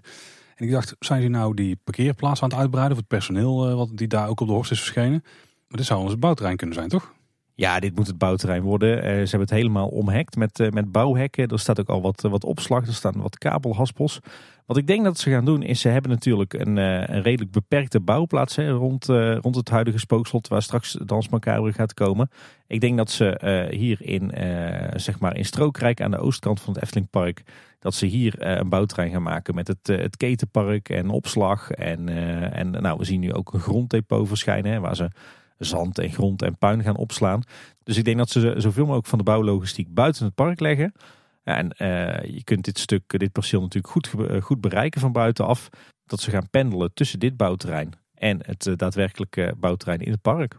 Je hebt wel twee van die uh, delen die afgehekt zijn. Je hebt zeg maar, een groter deel dat ligt wat verder van de huidige personeelsparkeerplaats af. Die daar langs door ligt. En de andere is wat kleiner. Zou een deel dan misschien uitbreiding zijn van die parkeerplaats? Ik weet niet of het nodig is namelijk, maar... Nou ja, het zou natuurlijk wel kunnen om, uh, om bij dit bouwterrein te komen. Kan je natuurlijk op een gedeelte van de Oude Horst geen, uh, geen auto's meer laten parkeren door personeel. Dus het zou kunnen zijn dat het voor een deel personeelsparkeerplaats wordt. En voor een deel het grote bouwterrein voor uh, Hans Macabre. Nou, klinkt logisch. Ja. Ze pakken het in ieder geval lekker serieus aan. Het laatste wat dan is opgevallen rondom de werkzaamheden daar is dat natuurlijk het braakliggende stuk terrein hadden tussen Maximoord en Spookslot. En daar zijn ze begonnen met het wegbreken van het asfalt. Had ik niet verwacht dat in kwam, hebben ze dan nog niet al een jaar geleden gedaan. um, en er zijn inmiddels ook wat containers geplaatst. Ja, misschien dat die al wel geplaatst zijn om uh, elementen die ze willen redden uit de hoofdshow en uit de voorshows, dat ze die daarin gaan opslaan. En dat ze die containers uh, daar kunnen laten staan. Zodat die materialen, als het, het showgebouw klaar is, dat ze die dan weer terug in het nieuwe gebouw kunnen plaatsen. Ja. En laten we hopen dat hier uiteindelijk nieuw bos vereist. Oh, heel graag. Of een kerkhofje. Of een kerkhof in het bos. Ja, ja, ja. zeker. Hey Tim, we gaan eens kijken naar het entreegebied, want daar is enorm veel gebeurd. Er is zelfs iets afgerond. We zijn natuurlijk bezig met Efteling Grand Hotel en met wat voorbereidingen ervoor. Op het parkeerterrein is namelijk misschien wel de highlight, Tim, van deze aflevering. Nou ja, vooral voor jou hè? Ja, want daar is een nieuw toiletgebouw, tussen airco's, geopend. Want die is namelijk helemaal klaar. Ja. En uh, ik ben al een kijkje wezen nemen, Tim. Ja, wij ook. Wij zijn al zelfs even gaan plassen. En het was net, als ik mijn ogen dicht deed, dat ik weer op het dwarrelplein zat. Ja, van binnen wel. Ja, exact hetzelfde als de oude units. Want ja. daar zijn ook gewoon de oude units natuurlijk. En van buiten ziet het er wel, wel goed uit, hè? Ja, absoluut. Het is, uh, het is heel stijlvol uh, gedecoreerd, moet ik eigenlijk zeggen. Ik wou zeggen gethematiseerd, maar het is overduidelijk gedecoreerd. Daar zit natuurlijk een verschil tussen. Um, hele mooie houten gevels met van die uh, donkergroene planken. Um, mooi afgewerkt met, met allerlei sierlijk lijstwerk en crème witte boeiborden met een mooie zinken kraal erop. Een zinkenkraal, is die ook weer voor in het kleine boodschap lexicon? Denk het wel, ja. Een kraal, gaat, was een kraal. Een kraal, dat is... Um, je hebt de dakrand. Uh, en, en, de boeibord is zeg maar die, die houten plank uh, die vaak onder kijkt. de dank, dakrand zit. En bij, bij platte daken is dan vaak die boeibord is dan vaak aan de bovenkant afge, afgewerkt met ja, een mooie, mooie zinken afwerking, zeg maar. Die aan de bovenkant van het boeibord zit. Ja. Eroverheen is gevouwen. Ja, die, ja die, die, die loopt zeg maar mooi rond. En dat okay. noemen ze een zinkenkraal. Luisteraars, je hoort het hier voor het eerst. Waarschijnlijk. Ook aan de rest van het gebouw is, is veel aandacht besteed. Uh, er zijn mooie donkergroene deuren gekomen met, uh, met sierlijstjes erop en uh, crème met kozijntjes. Natuurlijk pictogrammetjes op de deuren die aangeven waar de mannetjes en de vrouwtjes naar het toilet kunnen. En op de buitenste hoeken van het gebouw mooie lichtgroene houten kolommen met bovenop gouden pironnetjes. Ik denk dat er al heel veel mensen bingo hebben inmiddels. Als precies. waterwater. I- Iets wat ik wel heel vreemd vond trouwens is, eh, die perronnen die staan niet gewoon op eh, de dakrand, waar je ze zou verwachten. Maar ze staan op een soort van houten blok, waardoor ze een beetje boven het dak uittorenen. Rare, rare ontwerpkeuze, maar goed. Ehm, wat wel mooi is om te zien is dat ze eigenlijk bij dit gebouw eh, een beetje het kleurschema van het, het Huis van de Vijf Zintuigen en ook het, het parkeerterrein hebben aangehouden. Hè. Dus het zijn niet de typische piekkleuren, maar wel dat, dat donkergroen, het lichtgroen en het crème wit. Dat zien we natuurlijk op heel veel plekken in het entreegebied terugkomen. Ook een groot naambord op hè, met toilet en een icoontje erbij. Een wel een sierlijk bord geworden. Mooi lijstwerk. Pixelkleuren erop. Een prachtig bord voor zo'n eh, facilitaire voorziening eigenlijk. En misschien nog veel mooier. Er zijn ook een paar eh, sierlijke Eftelingse lijsten aangebracht. Met erin eh, posters. En bijvoorbeeld een parkplattegrond. Met alle toiletlocaties in het park. Die moet ik eigenlijk hebben. Waar kun je die kopen? En een poster van Kleine Boodschap. Klassiek hè? Dit- Volgens mij is dat een keer een plaathoes geweest. Dit is toch degene waar, die, eh, waar de, de huidige 70 jaar stel op gebaseerd. Klopt ja. Nou, die staat erin. Heel tof. Er zijn ook wat avontuuropgangen die dan schijnen op die posters. Ja, heel vrij. Ah, een beetje jammer alleen dat als de deuren van de toiletgroep eh, openstaan, dat je dan het, eh, het bord met daarop eh, alle toiletlocaties maar half kunt zien. Maar die heb je dan het meest nodig als die deur dicht zit. Dat is waar. Dus daar hebben ze misschien over nagedacht. Die van Kleine Boodschap kun je in ieder geval altijd zien. Mooi poster. Ja, je zei het al, er staan mooie spots op, op de posters. Maar er hangen aan de rest van de gevel ook wat, wat vrije hanglampjes. Hebben ze heel mooi gedaan. De binnenkant van de toiletgroep die is wel opgeknapt. Maar je herkent hier gewoon nog eh, één op één de oude toiletgroep in. Dus eh, verwacht daar geen wonderen. Nee. Loopings eh, die zegt over dat dit gaat om een tijdelijke situatie tijdens de bouw van het Efteling Grand Hotel. Maar ik kan me toch voorstellen dat als het daar allemaal klaar is, dat het nog steeds wel een nuttige toiletgroep is. Want, ja, want in het Huis van de Vijf Zintuigen die is kleiner dan deze. En je wilt toch wel een, een, grote toiletgroep hebben buiten de kaartcontrole. Want er komt eigenlijk wel een groot toilet in het Efteling Grand Hotel. Ja, dan moet je wel door de kaartcontrole heen zijn en zo. Ja, nee. En ik betwijfel ook dat ze zo ontzettend veel geld investeren in de aankleding van zo'n eh, zo'n unit als het slechts een tijdelijke oplossing zou zijn. Dat zou dan ongekend zijn voor de Efteling. Nou ja, relatief gezien met eh, hoeveel het hotel gaat kosten, valt het misschien nog mee. Nee, maar dit, dit werk je niet zo af voor een, een tijdelijke oplossing van anderhalf jaar. Nee, dan had je het inderdaad op dezelfde manier op kunnen lossen zoals op de speelweide bijvoorbeeld. Die tijdelijke toiletten daar. Ja, nou, zeker waar. Ja. Dus ik denk dat deze blijft staan. Ik denk dat we onszelf eerder, eerder de vraag kunnen stellen: wat gebeurt er met de toiletgroep in het Huis van de Vijf Zintuigen?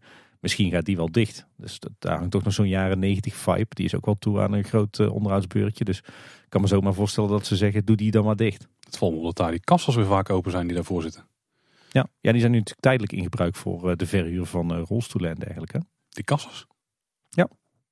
Die schuiven enkele tientallen meters op, want het facilitair gebouw wat daar vlakbij staat, die is ook bijna gereed. Ja, en ook dat ziet er prachtig uit aan de buitenkant. Hè? Ook hier weer die, eh, die eh, donkergroene houten gevels met weer dat mooie lijstwerk en die, eh, die boeibordjes met. Een zinkenkraal, zeker. Heel goed. En op de hoeken dan weer lichtgroene houten kolommen met, met ook weer van die mooie pironnetjes erop. En heel bijzonder, het, het, het gebouw bestaat eigenlijk uit drie elementen. Links en rechts wat lagere gebouwtjes en bovenop een wat, wat hoger dak. Waar je straks eh, onder kunt eh, als gast en waar je je wandelwagentje of eh, je scootmobiel kan ophalen. En op dat iets hogere dak, wat zeg maar over die twee gebouwtjes links en rechts heen kraagt. Daar hebben ze nu ook een soort van, ja, is het, is het koper of is het messing of is het kunststof? Daar hebben ze in ieder geval een, ja, een soort decoratief dakje opgemaakt. Een koperkleurig dak. Ja, Maar het is vrij heftig vind ik hoor. het is meer oranje dan koperkleurig. Nou ja, we zaten dus een rondje in de stoomtrein te doen en vanaf een afstandje dacht ik, oh ze hebben echt een koperdak erop gegooid. Maar van dichtbij twijfel ik eraan. Is ook allemaal iets te netjes en egaal en Ja. er zit een bocht in, maar het, ja, het ligt niet helemaal zo op zoals je zou verwachten. Nee, nee ik, ik, ik ben er ook nog niet zeker van waar het van is gemaakt. Ik hoop dat het van echt koper is, maar ik denk het niet. Ik ben bang dat het van, eh, van polyester is. Dat zou toch wel jammer zijn. Dan hoop ik dat ze het echt nog wel even goed gaan decoreren. Ik heb geen idee, Tim, dan moeten we even gaan, eh, gaan afwachten. Maar het is, het is wel, eh, het is heftig, in ieder geval Ja. van dichtbij. Nou, ik moet zeggen, ik vond hem op de ontwerptekening best wel fraai. Maar nu dat die eh, er in, in werkelijkheid staat, denk ik... het- eigenlijk had het niet per se gehoeven. Eigenlijk waren gewoon die, die drie platte daken met dat, dat middelste dak... Wat, wat boven die andere twee daken uitsteekt. Eigenlijk was dat ook prima geweest. Daar had niet per se zo'n eh, fake koperen dak boven gehoeven, toch? Ja, misschien is het dus niet fake. Dat zou de, de mooiste situatie zijn. En dan gaat het mooi corroderen, wordt het mooi groen. Ja. En dan matcht het dadelijk heel goed met het Efteling Grand Hotel die een vergelijkbare dak zou moeten krijgen. Ja, precies. Overigens eh, staan ook op dat, eh, die koperen dakopbouw staan ook, eh, ook weer kleinere pironnetjes. Dus aan alle details is gedacht. En misschien heeft het ook wel een functie hoor. Want ik kan me ook voorstellen dat ze dit, dit vehikel gebruiken om wat, wat technische installaties achter te verstoppen. In het midden? Ja. Daar wat airco-units ja, dat soort dingen. Ja. Zeg dat, joh, want het is wel heel vreemd dat je dan een overspanning gaat maken die ook gewicht moet kunnen dragen. Terwijl je het ook op het dak had kunnen zetten. Als je daar gewoon iets op had gezet. Ja, twa- ik twijfel. Dan zou het in ieder geval slim zijn. Maar je hebt dan natuurlijk ook gewoon een overkapping nodig om het al net wat comfortabeler te maken bij slecht weer. Dus wat Ja. dat betreft uh, slim. Ook hier trouwens een groot naambord aangebracht op het, uh, op het hoofddak, dus in het midden. Uh, het staat voor die koperen opbouw. En daarop staat garderobe en verhuur. Er zit ook pictogram op in ieder geval van een rolstoel, kinderwagen, garderobe en de souvenir express. Dus dan heb je wel een idee wat hier gaat gebeuren. Ja, ik mis alleen één functie. Waar zijn de scootmobielen? Ja. Of, of zou die dan ook onder de wandelwagen verhuur vallen? Denk, of misschien onder de rolstoelen meer. Een beetje Oh, in die ja. categorie. Ja, dat zou kunnen. Ik zou ook niet echt weten hoe je een, zo'n scootmobiel pictogrammetje. Ik heb het nog niet heel vaak gezien. Maar in het, in het park heb je sinds een tijdje uh, wel wat bordjes waar uh, scootmobielen moeten parkeren. Bijvoorbeeld bij de Gondoletta. En daar hebben ze al wel een uh, pictogram speciaal Oh, voor scootmobielen. Oké, oké. Is ook weer een klein dingetje. Ik heb het idee dat het bord een beetje wegvalt. Omdat het net iets te ver achter de dakrand staat. Waardoor als je vlak voor het gebouw staat dat je de pictogrammen niet kan zien. Ja, maar ik denk dat dan uh, in de praktijk niet zo erg gaat zijn. Want je ziet het toch vaak van een afstandje van, ah, daar moet ik zijn. Dat is waar.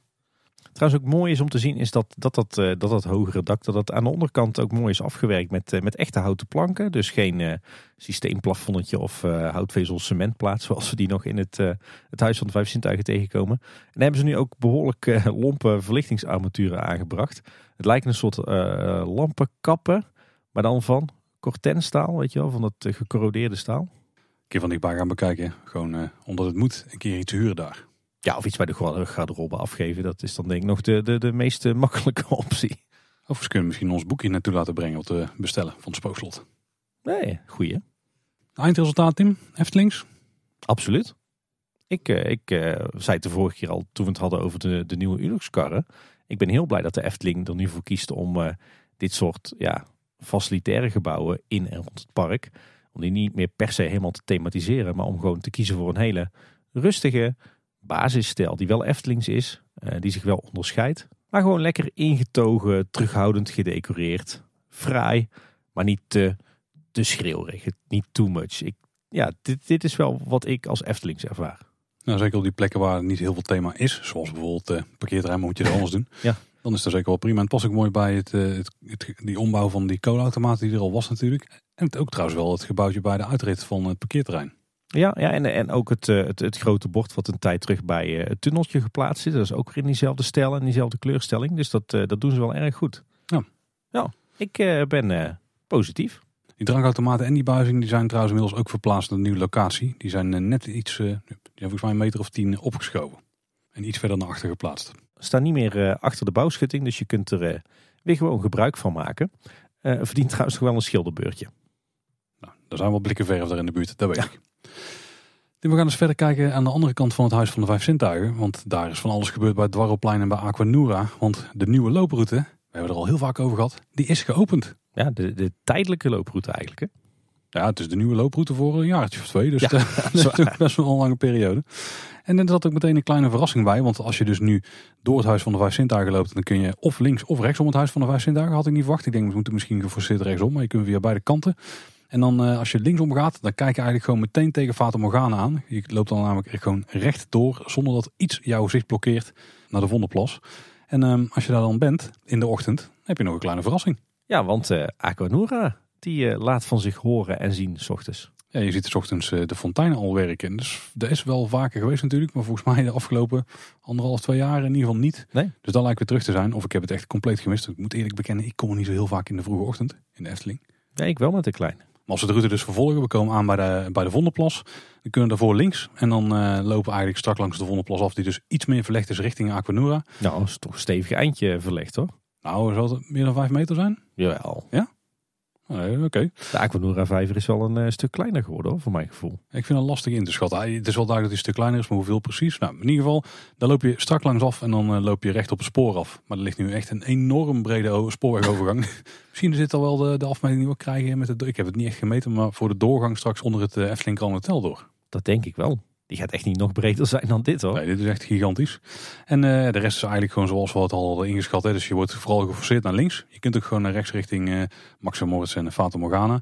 Maar de bedoeling is wel echt dat je richting de Padoespromenade gaat. Het ligt ook een veel breder stuk. Nou, en dat, uh, dat verhaal hebben we al vaak zat besproken. Maar ja. je kunt er dus overheen. Dit wordt de looproute voor de komende, nou zeker anderhalf jaar. Zeker ja. Ja, en inmiddels uh, is ook zeg maar de hele bouwplaats voor het Efteling Grand Hotel helemaal omgeven door bouwschuttingen. Van die houten schuttingen, dus geen bouwhekken. Die zijn inmiddels allemaal netjes groen gespoten. en het leuke is dat ter hoogte van de Aquanura vijver dat er gaten zijn gemaakt in die schutting. Want daar zitten lampjes in. Ja, het zitten van die rechthoekige armaturen ongeveer op een halve meter hoogte denk ik. Die, die inderdaad het pad verlichten. Ja. Geen struikelgevaar daar. het straatwerk is volgens mij nog niet de definitieve inrichting van het buitengebied van het Efteling Grand Hotel. Want het is eigenlijk allemaal gewoon recht toe recht aangemaakt met wat oude gebakken klinkertjes die ze nog hadden liggen. Op zich wel heel erg fraai natuurlijk. Maar natuurlijk meer dan prima voor een tijdelijke situatie. Dat betekent ook dat de dwarrelpleinvlonder dat die nu niet meer van hout is. Die is dus ook van die gebakken klinkers. Dus je staat niet meer op het hout te kijken als je vanaf die kant naar Aquanura kijkt. Nee, een klein stukje richting het theater is nog wel van hout. Maar dat uh, vraag me af hoe lang dat zal blijven. Want van de week is er volgens mij bouwverkeer overheen gegaan. En toen is die halve vlonder aan gort gereden. Langs de, deze tijdelijke bouwroute is trouwens ook wat verlichting geplaatst. Ehm, daar hebben ze gewoon zeg maar, die standaard ehm, lantaarnpalen voor gebruikt die voorheen op het Dwarrelplein stonden. Die hebben ze nu langs de bouwroute neergezet. Ehm, de lantaarnpaaltjes waar je tegenaan loopt direct naar de kaartcontrole als je links gaat. Die hebben ze trouwens wel mooi voorzien van, van vaandels. Dat maakt het net wat fraaier dan, dan dat je gewoon tegen zo'n bouwschutting aanloopt. Ja, Noormark heeft ook weer goede zaken gedaan. Want er zijn op veel plekken van die schaaphekken geplaatst langs de plantsoenen. Gewoon vooral om te voorkomen dat mensen er doorheen lopen. Want daar gebeurde uh, heel erg veel. Ja. Dus dat proberen ze op die manier netjes te houden. Ja, netjes met de schaaphek. Ja. Ja, wel opvallend dat er eh, op deze tijdelijke bouwroute... dat het niet alleen maar stenen zijn. Maar dat ze ook nog best wel op veel plekken ruimte hebben gemaakt voor groen. Moet allemaal nog wel worden aangeplant natuurlijk. Maar nou, het is niet alleen maar schutting en steen. Nee, dat klopt. Dat klopt. Maar we hebben op dit moment nog niet zo heel veel aan. Behalve omdat er wel water in kan staan. ja, precies. Uh, ze, hebben trouwens, ze doen trouwens ook wel wat moeite om uh, het, uh, het resterende groen wat er nog is te sparen. er staan namelijk op de hoek van het theater en de Aquanura Vijver twee prachtige oude berken. Die zijn echt enorm. En een deel van de, van de looproute die gaat daar overheen. Alleen wat hebben ze nou gedaan? Het gedeelte wat zeg maar onder de kruin van de boom ligt. Dat hebben ze voorzien van een speciale constructie die de druk over de wortels verdeelt. Daar zijn ze nu uh, gewoon straatwerk overheen aan het aanbrengen. Maar onder het straatwerk zit er dus een, eh, een hele speciale constructie om die uh, berk in leven te houden. Overigens stond een heel deel van het theaterplein de afgelopen weken ook in de hekken. En niet voor niks, ook hier zijn ze aan het werk aan de bestrating en ook wat plantsoentjes. Maar hier komen ook een aantal elementen terug die we kennen van het oude dwarrelplein. De Hollandse gebakkraam die is hier namelijk neergezet. En ook het showtijdenbord, uh, wat voorheen natuurlijk bij de spoorwegovergang stond, die komt terug. En die hebben ze hier neergezet. het is nog niet open voor publiek op het moment van opname, maar dat lijkt niet lang meer te duren. En ja, ook hier wordt de mix van, van verharding, wat plantsoentjes en de lantaarnpalen die we kennen van het theaterplein. En naast die plantsoenen die moeten aangeplant worden, is er ook nog wel wat elektra wat afgewerkt moet worden op een aantal plekken. Ja, er komt op een heleboel plekken nog, komen nog kabels uit de grond. Dus ik denk dat daar nog wat, wat decorverlichting gaat komen of lantaarnpalen of zo. En misschien moeten we ook nog even kijken naar de verlichting langs de paden lichtmasten van Aquanura. Want die leken te flikkeren van de week. En ik dacht eerst, dit is misschien een effect. Maar het leek wel echt een soort van stroomstoring achter iets te zijn. Misschien een kabelbreuk of iets met vermogens verkeerd gegaan of zo. En iets met een dimmer ergens te zitten. Ik heb geen idee. het, zag er niet uit alsof het, het zag er niet uit alsof dat het de bedoeling was. En je zei al Tim, het bouwterrein van Efteling Grand Hotel is nu volledig uh, om, omheind met de schutting. Dus mensen kunnen er niet meer op kijken. Dat is trouwens wel jammer. Je hebt ook weinig plekken waar je er echt goed zicht op hebt. Eigenlijk de, de stoomtrein is nog wel de beste optie, denk ik. Een paar bankjes gaan plaatsen dat je je camera er makkelijk overheen kunt steken. denk je dat ze rekening zouden houden met ons, ja? Nou ja, maar we hebben op zich wel gelukt. Het is namelijk een enorme vlakte. En dat hebben we mooi kunnen zien omdat uh, Nick Ringelberg, een, een van onze luisteraars, die heeft zijn drone uitgelaten. En die heeft een paar luchtfoto's gemaakt. En dan kun je heel goed het bouwterrein zien liggen. En dan zie je pas echt hoe gigantisch groot het is. Ja, ze hebben echt zeg maar, het, het bouwterrein op de korte kant van het parkeerterrein en het dwarrelplein hebben ze nu uh, aan elkaar geknoopt. Hè? En dan heb je gewoon één enorme vlakte. Ja, er zijn ook inmiddels wat masten geplaatst voor die bouwverlichting. Dus uh, ze kunnen daar ook, uh, als het donker wordt, aan de gang. Ja, ja, dat zal in de, in de wintertijd heel hard nodig zijn. de afgelopen weken is er nog volop gesloopt aan het, het voormalige dwarrelplein. zorgde een aantal dagen ook voor flink wat geluidsoverlast in het park. Af en toe echt keiharde knallen. En ja, je zou je afvragen wat moest er dan nog gesloopt worden. Maar er lag natuurlijk ook nog een flinke betonnen bak onder dat plein. Dat was namelijk de voormalige sprinklerkelder. Ja. Het laatste wat ze trouwens hebben weggehaald is de spoorwegovergang. De oude spoorwegovergang natuurlijk. En die is ook nou helemaal dichtgezet met de bouwschuttingen. Ja. Dan uh, het laatste stukje Tim van dit project. De Padoespromenade. Ja, daar zijn ze nog bezig met wat laatste restpuntjes. Hè. We hadden al eerder verteld dat, er, uh, dat die uh, grote masten waren teruggeplaatst. waar voorheen de vaandels uh, aan hingen bij het begin van de Padoespromenade. Nou, die vanels die zijn inmiddels ook uh, terug uh, gehangen. Dus dat ziet er allemaal weer netjes uit. Ze zijn nog wel een beetje aan het sodemieteren met het waterpeil van de vijvers langs de Pardoespromenade. In het oude gedeelte stond het water echt enorm hoog de laatste tijd. Dat liep uh, zo de plantsoen in uit de vijver, zeg maar. Uh, dat is inmiddels weer op een normale hoogte. Maar het lijkt erop dat ze de, de nieuwe vijvers, en zeker die aan de kant van, de, uh, van Fabula, dat ze die niet, niet op hoogte krijgen. Waardoor die hele lelijke constructie met die slok op in beeld blijft. En ze hebben die vijver nu zo goed als droog gepompt. Dus misschien dat, dat ze daar op zoek zijn naar een lek of zo. Maar dat gaat nog niet helemaal lekker. En verder moet natuurlijk nog, uh, nog een hoop groen worden aangeplant daar. Hè. En het viel me nog op dat, uh, dat de muziek in het, uh, dit deel van de Pardoespromenade wat blikkerig klinkt, voor mijn gevoel. Maar misschien is dat wel omdat de speakers nu veel dichter op het pad staan. En omdat er natuurlijk ook geen groen voor staat. Terwijl de rest van de Pardoespromenade staan ze natuurlijk helemaal aan de buitenkant in de plantsoentjes. Mij niet opgevallen. Tim, zullen we eens gaan kijken naar de parkplattegrond. Want die is natuurlijk ook aangepast op al deze bouwwerkzaamheden. Zowel digitaal en als in het park. Zo staan het nieuwe toiletgebouw en het facilitair gebouw ingetekend al. Ook wel eh, opmerkelijk is dat de parkeerpromenade staat aangeduid met die naam op de plattegrond. Terwijl ik dacht dat het de naam was die, die wij als liefhebbers het maar hadden gegeven aan het pad. Maar nu is het dus officieel. En daar wordt dus ook aangegeven dat je bij het facilitair gebouw rolstoelen, wandelwagens, de souvenir express en een garderobe hebt. Maar dat je er ook het statiegeld kunt inleveren van je petflesjes. Ja, lijkt me een logische plek. Daar kun je natuurlijk niet inleveren. Je kunt je petflessen inleveren en dan krijg je statiegeld terug. Nee, je zult er vast ook statiegeld kunnen inleveren. Dat zullen ze ook niet erg vinden, denk ik. Nee. Um, zeker niet in ruil voor een uh, wandelwagen of zo. Eh, de tijdelijke looproute naar de ingang van het park is ook ingetekend. Uh, wat je ook daarin kunt zien is dat de kiosk en de gebakraam verplaatst zijn richting het theaterplein. En uh, ook aangepast naast het digitale en de plattegrond in het park zijn de papieren plattegronden. Die zijn vooralsnog alleen verkrijgbaar in het Duits en het Frans. En die kun je herkennen Tim aan een geel in plaats van oranje vlak op de voorzijde, heb je ontdekt. Ja, ja, het was nog even blinde paniek uh, bij mij. Want uh, ik kwam erachter dat ik de eerste versie van de 2022 plattegrond, dat ik daar alleen de Nederlandse versie van had. En nu lagen ineens de Duitse en de, en de Franse plattegrond als een, de tweede versie in de bakken, terwijl ik de eerste versie niet had. Goh, die sammelbakken die waren al in de stress geschoten. Ja, precies. Dus ik ben met spoed naar Bosrijk gefietst, waar gelukkig nog de eerste versie van die plattegronden in de bakken stond. Oh, de sammelbakken kunnen weer gerust ademhalen. ja. En buiten die wijzigingen op de plattegrond maken ze ook extra promotie voor die Coca-Cola freestyle machines. Hè? Ja, klopt inderdaad. En verder zijn de plattegronden hetzelfde. Uh, alleen de Nederlandse en de Engelse zijn dus nog de oude versies. Tim, oh stop. Breaking news tijdens het opnemen van deze aflevering. ja, dat kan je wel stellen ja. Alle alarmbellen gingen eh, rinkelen, want uh, er is een uh, loopingsartikel online gegaan tijdens de opname. Ja, want de Efteling die blijkt de kale Fabula loods alsnog te willen aankleden. Nu is natuurlijk eh, tijdens onze kleine boodschap in de theateraflevering gevraagd aan Jeroen Vrij. Waren er plannen om de Fabula loods aan te kleden tijdens de bouw van Max en Moritz? En toen uh, antwoordde Jeroen daar heel kort op. Ja. En we weten dat ze dat maar al te graag uh, willen, intern ook. En het lijkt er nu toch echt van gaan komen. In dit geval wordt het dan geschaard onder het project um, van het Efteling Grand Hotel. Daar, uit dat budget zou het dan gehaald worden.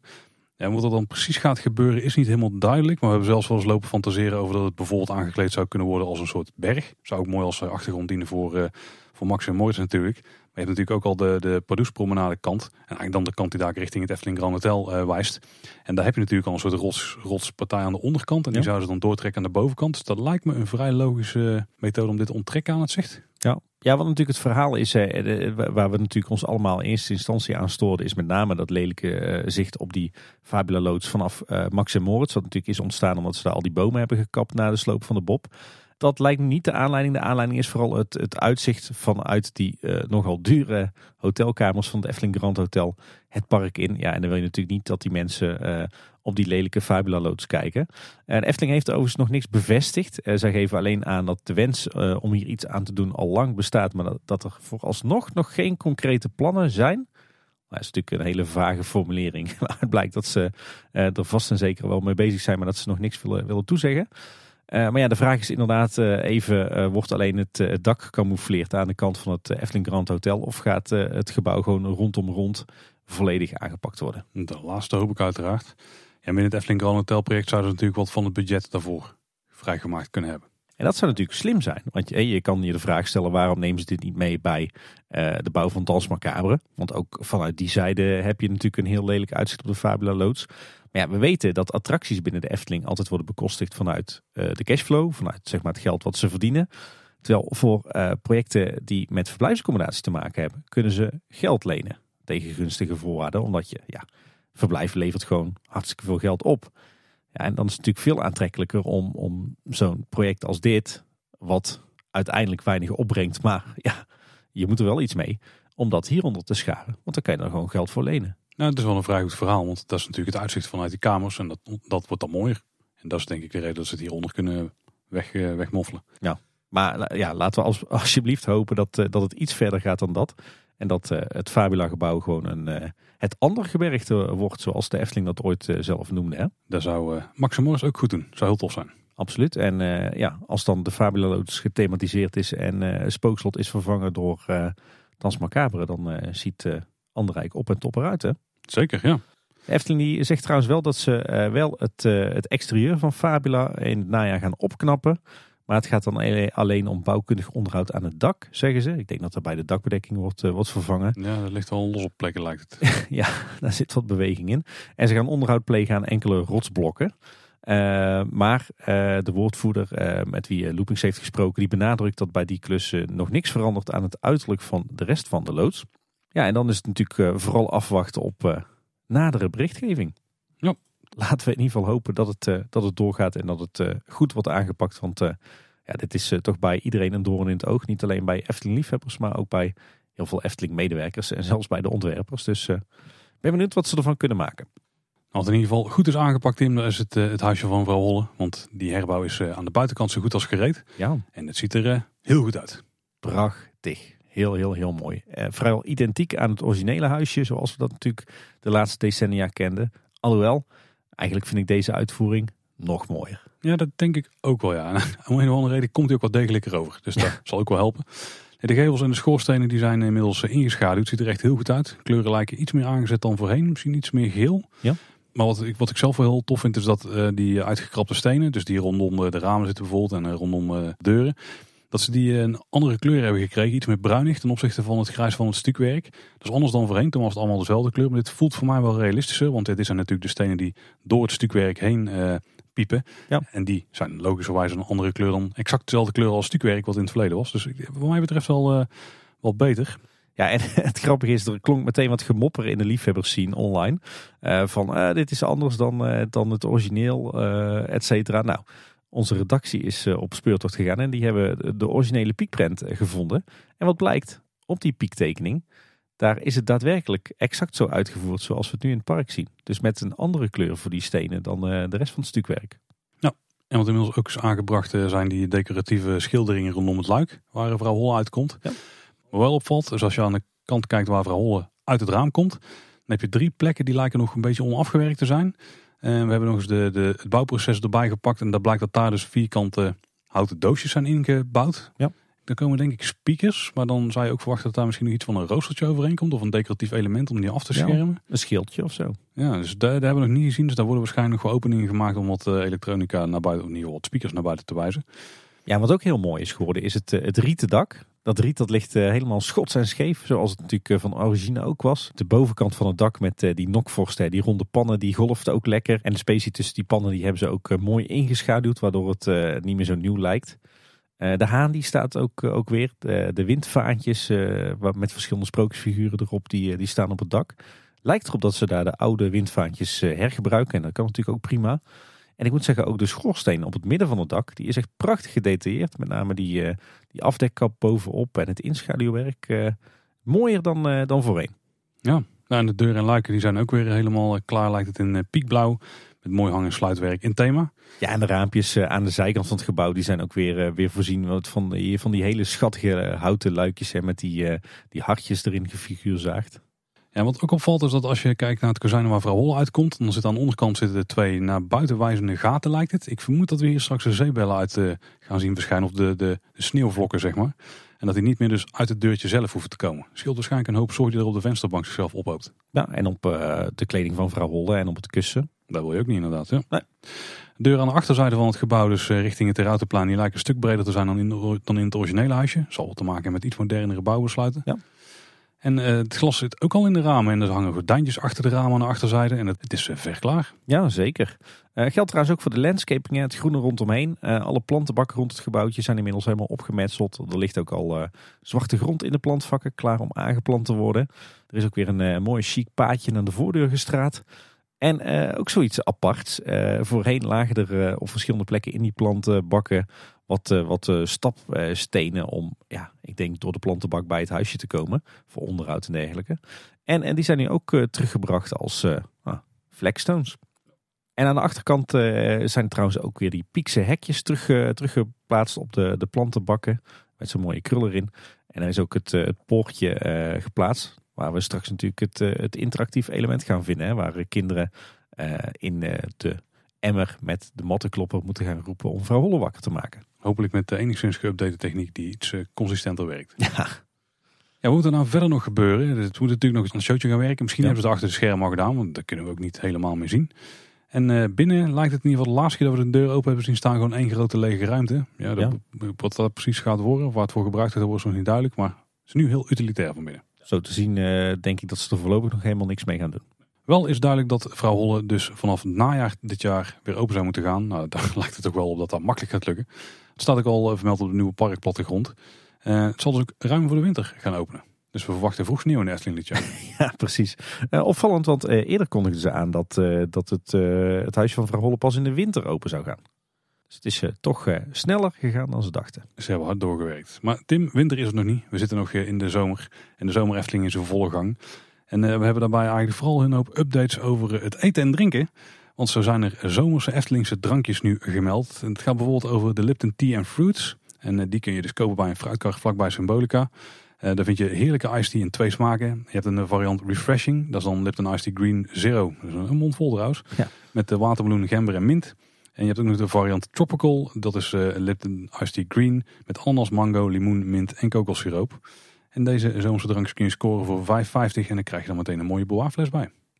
En, en er staat deze zomer Weizsäcker op de tap bij de Carousel Bar. Hey. Drie dagen in het jaar dat die wel open is. Maar ook bij de Rustende Reiziger in eh, Station de Oost. eh, bij de mobiele bar op het Rijsrijkplein bij Panorama à la carte en het Poffertje. En je krijgt een halve liter Weizsäcker voor 5 euro. Klinkt goed. En er zijn ook wat eh, meer hartige snacks te krijgen inmiddels, Tim. En dit is er eentje die we lang, lang hadden verwacht. Een kipburger bij vrouw Boldeskuge. Mm. En die eh, klinkt ook enorm goed. Dat is namelijk een rustiek broodje met erop een geroosterde kipfilet, pulled chicken, smoked barbecue saus, gruyère kaas, denk ik, met lekkere tomatensalsa, tomaat en uiering. Dit Och. klinkt als een prima burgertje. Dit klinkt heerlijk, maar vooral ook de combinatie een geroosterd kipfiletje met erop pulled chicken. Ja, Oh, En dan barbecue saus. en kaas. Oh, Wel 7,75, redelijk aan de prijs, maar Ja. eh, nou, was trouwens wel wat onduidelijkheid over of die is er eigenlijk nog steeds. Kun je dit nou krijgen bij Vrouw Bolt's Kuchen of kun je dit nou krijgen bij de burgerbakkerij? Zal ik jou zo wel verklappen, Tim? Ja. Maakt waarschijnlijk echt helemaal niks uit. Want je kunt de hamburgers van de burgerbakkerij ook gewoon bestellen bij vrouw Botskuge.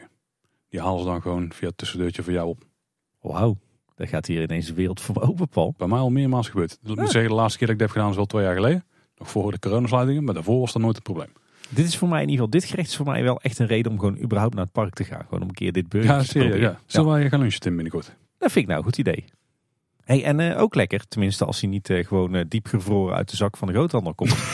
er is nu zeebanket te krijgen bij de Meermin in het Ruigrijk. En voor 5,50 krijg je een, een bakkie met gefrituurde mosselen, garnalen en inktvisseringen.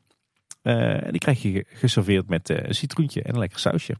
En er is ook een zomerse ijskoep te scoren bij de suikerbuik eh, en bij Fabula. Die kost 6,50 euro. En dan eh, krijg je een koep met aardbeiijs, chocolade en koekjesijs, Oreo crumble, verse aardbei, aardbeisaus en een toeslagroom.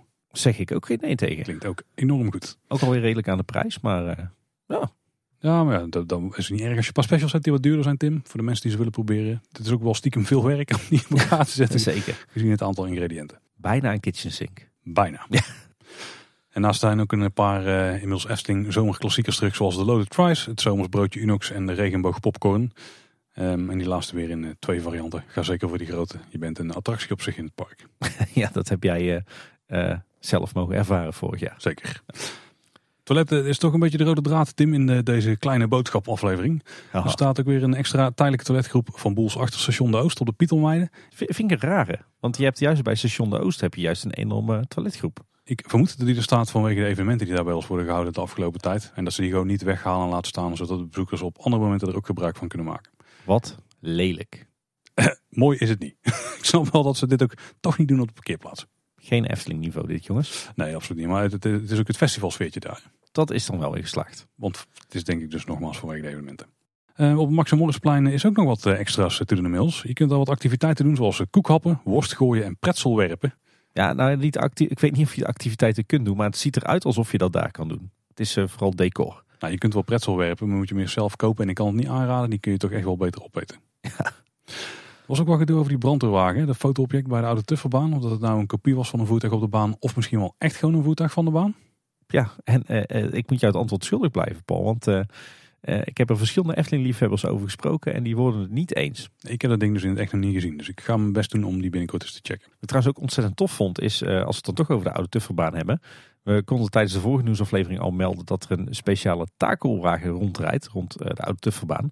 Met acteur erin en een heel oud logo van de ANWB erop. En dat is niet voor niks, want het blijkt zowaar een samenwerking te zijn tussen de ANWB en de Efteling. En de ANWB die heeft er ook zelf over bericht op de website. En het moment bij Efteling Wonderland is ook wat uitgebreid. Dat deden voorheen soms ook wel als rood kapje uit de Thomas en Pardoes mee. Maar nu tegenwoordig ook vaak hier een kabouter.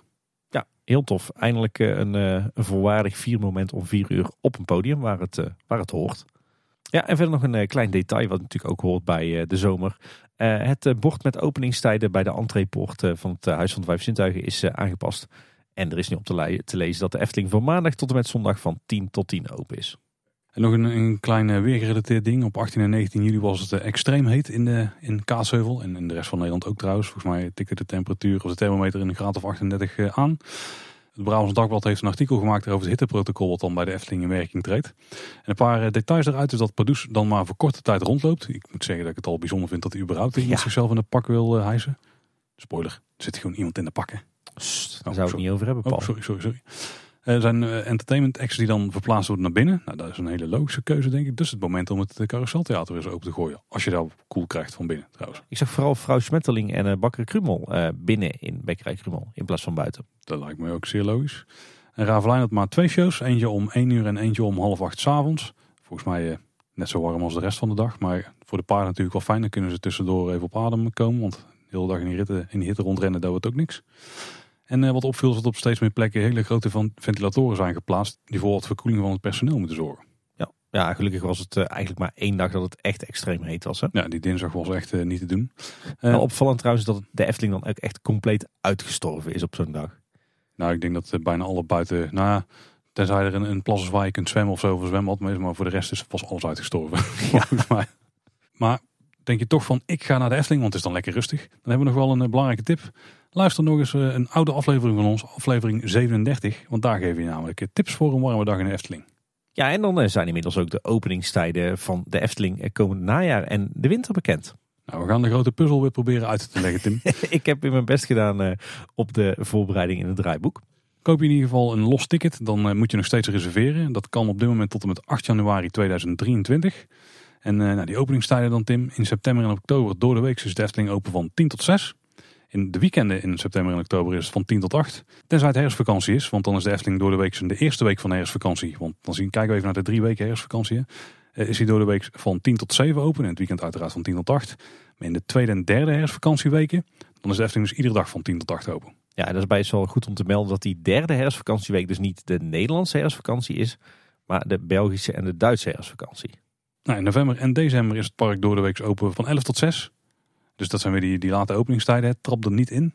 Maar in de weekenden in november en december moet je even goed opletten. Want er zijn weekenden dat het park dus van 11 tot 7 open is. Dus wel een uurtje langer.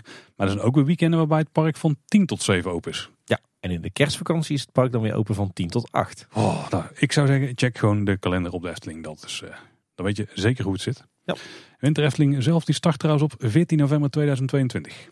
Zin in. Ik ben benieuwd wat daar gaat gebeuren. Er zal wel wat veranderen, moet ik. Ja, hopelijk blijft het nu gewoon de hele winter Efteling open. Dat zou wel, wel een prestatie op zich zijn. Ja, ik doe het ervoor. Ook bevestigd is uh, Oud en Nieuw. Dat gaat weer gebeuren, het grote Oud en Nieuw feest. Vrij ja. vroeg met de aankondiging trouwens. Ja, en dit jaar valt het op 31 december. Dat is dan een minder grote verrassing. Wist je trouwens, ik weet natuurlijk in een gemeente dat uh, formeel ieder jaar het college van burgemeester en wethouders moet bepalen wanneer bepaalde feestdagen vallen. Serieus? Ook voor Oud en Nieuw? Ja, of voor nieuwjaar? ja daar moet gewoon een officieel besluit voor worden genomen door, uh, door het college. Geen idee waarom, maar dat zal zo wel ergens in de gemeentewet bepaald zijn. Ik ben toch benieuwd wanneer iemand een keer uh, Renegade gaat en dan bepaalt dat 2 januari dan. Ja, ja. Oké, okay. uh, nog even een, een servicemededeling voor de mensen met een abonnement. Er zijn wat uitkoopdatums bekend. Want er zijn namelijk uitkoopmomenten op 20, 26 en 27 november. En ook op 3, 10 en 11 december. En dan op 14 oktober is er ook iets bijzonders aan de hand. Hè?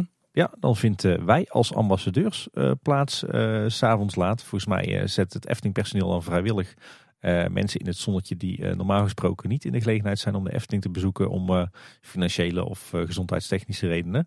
Um, wat dan goed is om te weten is dat het hele park dan sluit om 6 uur s avonds. en dat we dan eigenlijk weer terugvallen op de ouderwetse methode, namelijk dat alle attracties voor die tijd leeggedraaid moeten zijn. Dus dat wachtrijen eerder sluiten dan 6 uur. Normaal gesproken sluiten die nu dus natuurlijk pas op, op sluitingstijd. En worden ze daarna, blijft het park dus wat langer open. Maar dat, dat kan die ene dag niet. Dus hou daar rekening mee als je 14 oktober gaat. Ja, en dan tijd voor een uh, vroege kerst, Tim. De Efteling onderhoudskalender voor het najaar die is gevuld. Woehoe. De Efteling heeft recent ook gemeld dat ze flink investeren in groot en klein onderhoud. En zo maken ze de Efteling nog mooier dan die al is. Maar hierdoor gaan in het najaar dus een aantal attracties voor langere perioden onderhoud. En dit proberen ze zoveel mogelijk te doen om en om. Zodat gasten hier zo min mogelijk last van gaan ondervinden. Maar er staan wel wat bijzondere items op, hè? Ja, we gaan het over onderhoud hebben. En dat nog voordat het onderhoudsblokje is begonnen. Dus ja, populair uh, kan alweer op tafel, Tim. Ja, we hebben aardig wat flessen verzameld de afgelopen weken. dus ja, het moet op, Paul. Het moet op. Uh, wat gaat er allemaal dicht? Uh, de Gondoletta heeft uh, van 5 tot en met 16 september onderhoud. kleine twee weken, dus dat zal het, het reguliere onderhoud zijn aan de, de kabel en de draaischijf. Fabula is ook dicht van 5 tot en met 16 september, dus bijna twee weken. We weten inmiddels dus dat het eh, deels onderhoud aan het exterieur is, dus aan het gebouw. Maar uh, werd opgemerkt door wat knappe koppen in onze redactie. Mogelijk ook de periode waarin ze de entree van Fabula tijdelijk kunnen verplaatsen. Of definitief. Want 4 september sluit natuurlijk Spookslot. Ik wacht dat dat qua timing nou iets mee te maken heeft. Ja, misschien een, een tijdelijke oplossing. Hè? Want ze, ze moeten natuurlijk aan het klussen op het voorplein van het Spookslot. Stoomtrein die gaat uh, kort dicht van 5 tot en met 9 september. Ook weer dus getimed met Dans dus mogelijk voor die uh, aanleg van die bouwinrit.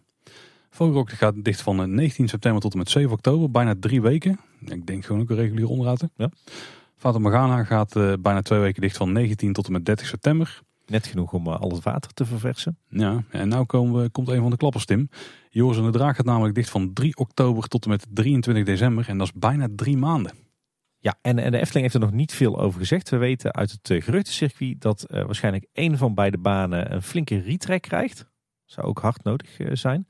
En dat ook Draak Etna serieus onderhoud krijgt. En misschien zelfs wel weer gaat bewegen. Dit zou echt goud zijn als het is. Joris en Draak heeft in ieder geval uh, een behoorlijke downtime uh, ieder jaar. Zeker de afgelopen jaren. Ja, drie maanden jaar gaat ik niet dicht. Hè. Krijgt ook nooit rust natuurlijk die baan. Dus uh, nou, nu in ieder geval geforceerd. Symbolica die gaat ook dicht van 10 tot 21 oktober. En dit zou de eerste keer zijn dat die gesloten is voor onderhoud sinds de opening in 2017. Villa Volta gaat kort dicht van 10 tot 14 oktober. Aquanura die gaat ook kort dicht van 17 tot en met 23 oktober. Of in ieder geval dicht, die draait dan natuurlijk niet. Ja, en dan, Tim, daar komt hij. Ja, de grote klapper van uh, de onderhoudskalender. Droomvlucht gaat dicht van 31 oktober 2022. En ik moet hier een jaartal bij zeggen, want hij gaat dicht tot en met 3 maart 2023. En voor de mensen die geen zin hebben om te rekenen, dat is ruim vier maanden. Ja, en dat gerucht hebben we natuurlijk eerder ook uh, al gehoord. Onder meer opgevangen bij uh, de collega's van Team Talk. Ja, en ook hier heeft de Efteling zelf nog niks over, uh, over gecommuniceerd. Ik verwacht hier over een tijdje wel een uh, uitgebreid blogbericht over. Maar wat we begrijpen uit het uh, geruchtencircuit is dat in ieder geval de trek van Droomvlucht, dus zeg maar de baan, gedeeltelijk vervangen gaat worden. En om dat te kunnen doen, moet een deel van het dak eraf. Dus dat is een behoorlijk heftige klus. En alle showverlichting zou vervangen worden door LED. Wat met het aantal spots in Droomvlucht ook geen, geen sinecure is. Mogelijk zou ook nog wat gebeuren aan de besturing. Dit, dit soort eh, onderhoudsklussen zijn natuurlijk altijd wel het moment om eh, besturing te vervangen of te vernieuwen. Ja, en ik mag toch hopen dat eh, de vijver in het Sompenwoud eindelijk gefixt wordt. Nou ja, er is nog één ander ding Tim waar ik nog veel meer op hoop. Regen. Nou, laat het vooral op de mist houden. Ja. dat hij dat het ook weer doet. Op alle plekken een attractie en consistent. Ja, dat, ik zou zeggen, dit is dan toch het moment om, om dit ook serieus te fixen met een nieuw systeem met gefilterd water of zo. Vier maanden is echt een flinke, flinke tijd die dicht is. Ja, ja dat gebeurt eigenlijk, uh, eigenlijk nooit hè, met, uh, sinds de jaar rond de openstelling dat attracties zo lang dicht zijn. Ja, het is natuurlijk wel het Carnaval Festival ook een lange tijd is dicht geweest. Ook voor een flinke update. Ja. Fata Morgana is niet eens zo lang dicht geweest trouwens. Met twee maanden of zo. Droomvlucht is eerder ook al eh, wat langer dicht geweest. Niet, niet ruim vier maanden, volgens mij drie maanden. Toen werden er ook al wat versterkingen uitgevoerd aan eh, de baanconstructie. Maar blijkbaar was dat niet genoeg en eh, moet er nu dus opnieuw zo'n eh, groot onderhoud plaatsvinden. Ik vond het wel opvallend dat Droomvlucht eh, de hele winter dicht gaat. Ik bedoel, het, is, het is een indoor attractie. Het is een ideale toevluchts, toevluchtsoord op de natte en koude dagen. Ik zou zeggen, waarom doe je Droomvlucht niet zomers dicht? Ja, ik vermoed dat dit gewoon te maken heeft met specialisten die toevallig dan alleen op dat moment beschikbaar zijn. Dat kan niet anders dan zoiets zijn, want anders is het al een vreemde keuze. Nee. Hij gaat ook op 3 maart open, wat nou niet echt vlak voor het hoogseizoen is of zo, als je hem echt weer nodig hebt. Nee, of ik had gezegd, eh, hou hem open tot en met de kerstvakantie en doe hem daarna dicht. En eh, eh, doe hem dan pas weer open in mei Ja. of zo. Ja. Nou ja, in ieder geval een heel interessant project. En ik, ik hoop dat we dat ook van dichtbij kunnen gaan volgen. Ja, en wat komt er nog meer aan onderhoud aan, Tim? Ja, ja, je zou bijna zeggen, is er überhaupt nog budget om volgend jaar nog wat aan onderhoud te doen? Nou, ik, ik heb er even, over, even naar gekeken. Ehm, wat kunnen we nog meer voor onderhoud verwachten in 2023? Eh, we zien natuurlijk vooral de onderhoudskalender van 2022 eh, die de Efteling nu bekend heeft gemaakt. Eh, er zijn volgens mij nog een aantal projecten die, die eraan zitten te komen. Enerzijds op basis van geruchten die we de afgelopen tijd hebben opgevangen. En je kan het ook nog aan iets anders zien in de Efteling. Dat sommige dingen gewoon aan, op instort staan. nou, op instorten valt wel mee. Eh, maar altijd als, hè, je ziet dat de Efteling eh, de afgelopen maanden overal echt heel hard bezig is met schoonmaken, met schilderen, met opknappen. En er zijn een aantal plekken in het park eh, waar dat niet gebeurt. En in het verleden was dat nog wel eens een signaal van hier gaat iets verdwijnen. Hè. Kijk naar, eh, naar Polka Marina bijvoorbeeld en het avontuurdolhof. Ik zie voorlopig niks meer verdwijnen. Maar eh, dat kan ook een teken zijn dat er natuurlijk een grote onderhoudsklus aan zit te komen. En dan denk ik dat er nog een paar dingen gaan gebeuren volgend jaar. Eh, Piranha moet natuurlijk nog eh, groot onderhoud krijgen. Daar hebben we ook al aardig wat geruchten van eh, gehoord. Eh, en dan moeten daar natuurlijk nog heel wat, wat rotspartijen die eerder zijn afgebroken, moeten opnieuw worden opgebouwd. Nu begreep ik wel op de wandelgangen dat deze onderhoudsklus zou zijn uitgesteld. En mogelijk pas eind 2023 eh, aan de beurt zou komen. Dus een jaar later dan in eerste instantie de bedoeling was. Wellicht zelfs in combinatie met eh, het, eh, het eh, aankleden van Fabula met, met rotspartijen. Ja, een andere, andere klus die volgens mij er volgend jaar aan zit te komen is de gevel van het Carouselpaleis. Dat kan natuurlijk echt niet langer meer. En je ziet dat de Efteling daar ook, ook niks aan doet aan klein onderhoud of kleine opknapbeurtjes. Dus daar, daar moet volgens mij volgend jaar een, een heel groot onderhoudsproject voor komen. Eh, de kleine zweefmolen wordt veel, eh, veel genoemd in geruchten. Eh, er is natuurlijk een tijdje terug. De grote zweefmolen is zo goed als volledig vervangen door een, door een nieuwe zweefmolen. Ja, de kleine zweefmolen is in een vergelijkbare staat. Die is eigenlijk zelfs nog ouder dan de grote zweef.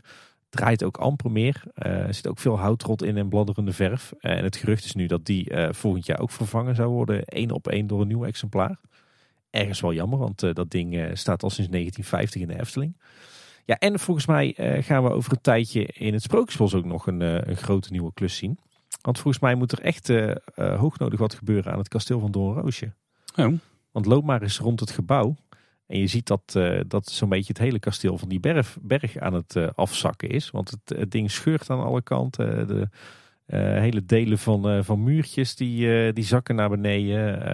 En er is daar al lang niks aan gebeurd. Dus ik het zou mij niks verbazen als we ergens de komende tijd een aankondiging krijgen dat het eh, kasteel van Doornroosje misschien wel volledig herbouwd gaat worden. de derde keer. Ja. Oké, Maar goed, dat is eh, allemaal nog speculeren.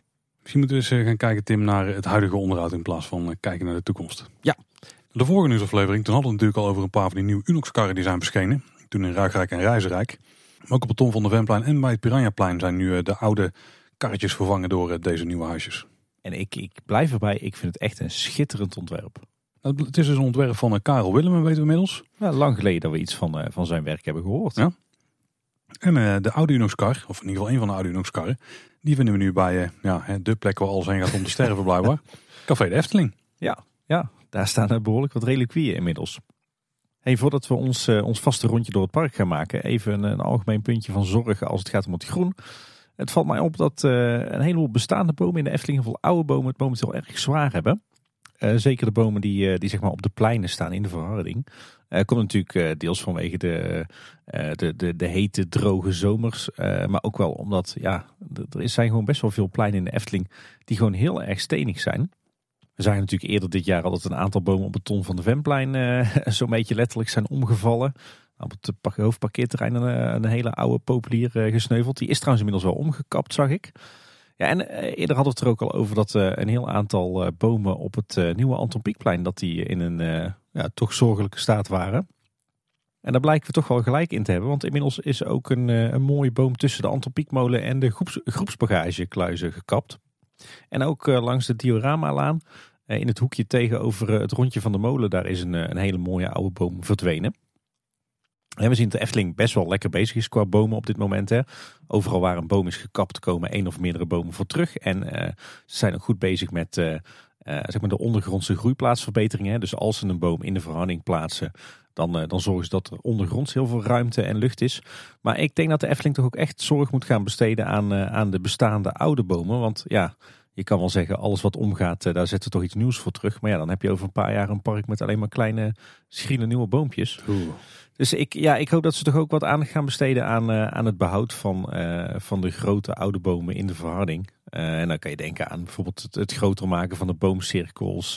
dus zeg maar de, dat je wat verharding weghaalt onder de bomen. Zal niet altijd zonder protest gaan in een Efteling waar, ja, waar de pleinen toch ook heel veel volk te verwerken hebben.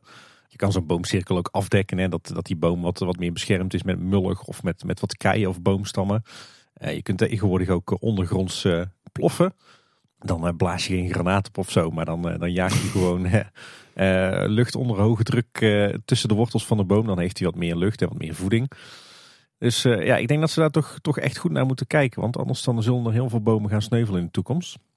Ik zag nu wel dat ze in de buitenmeandering van Droomvlucht... dat ze de, de bomen die daar staan al wat meer ruimte hebben gegeven... door de, de, de roosters die over de boomwortels lagen weg te halen. Nou ja, ook daar zie je dat de mensen nu de wortels gewoon kapot lopen. Dus daar moeten ze ook wel iets, eh, iets gaan doen met uh, een mooi laagje mullig eroverheen of zo. En uh, zelfs de exotische bomen in de Efteling hebben het lastig. er staan een aantal mooie palmbomen nog bij de kast die eigenlijk op het Fata plein staan. maar die staan te verdrogen. En ook de nieuwe palmen in de wereld van Simbad die staan te verdrogen.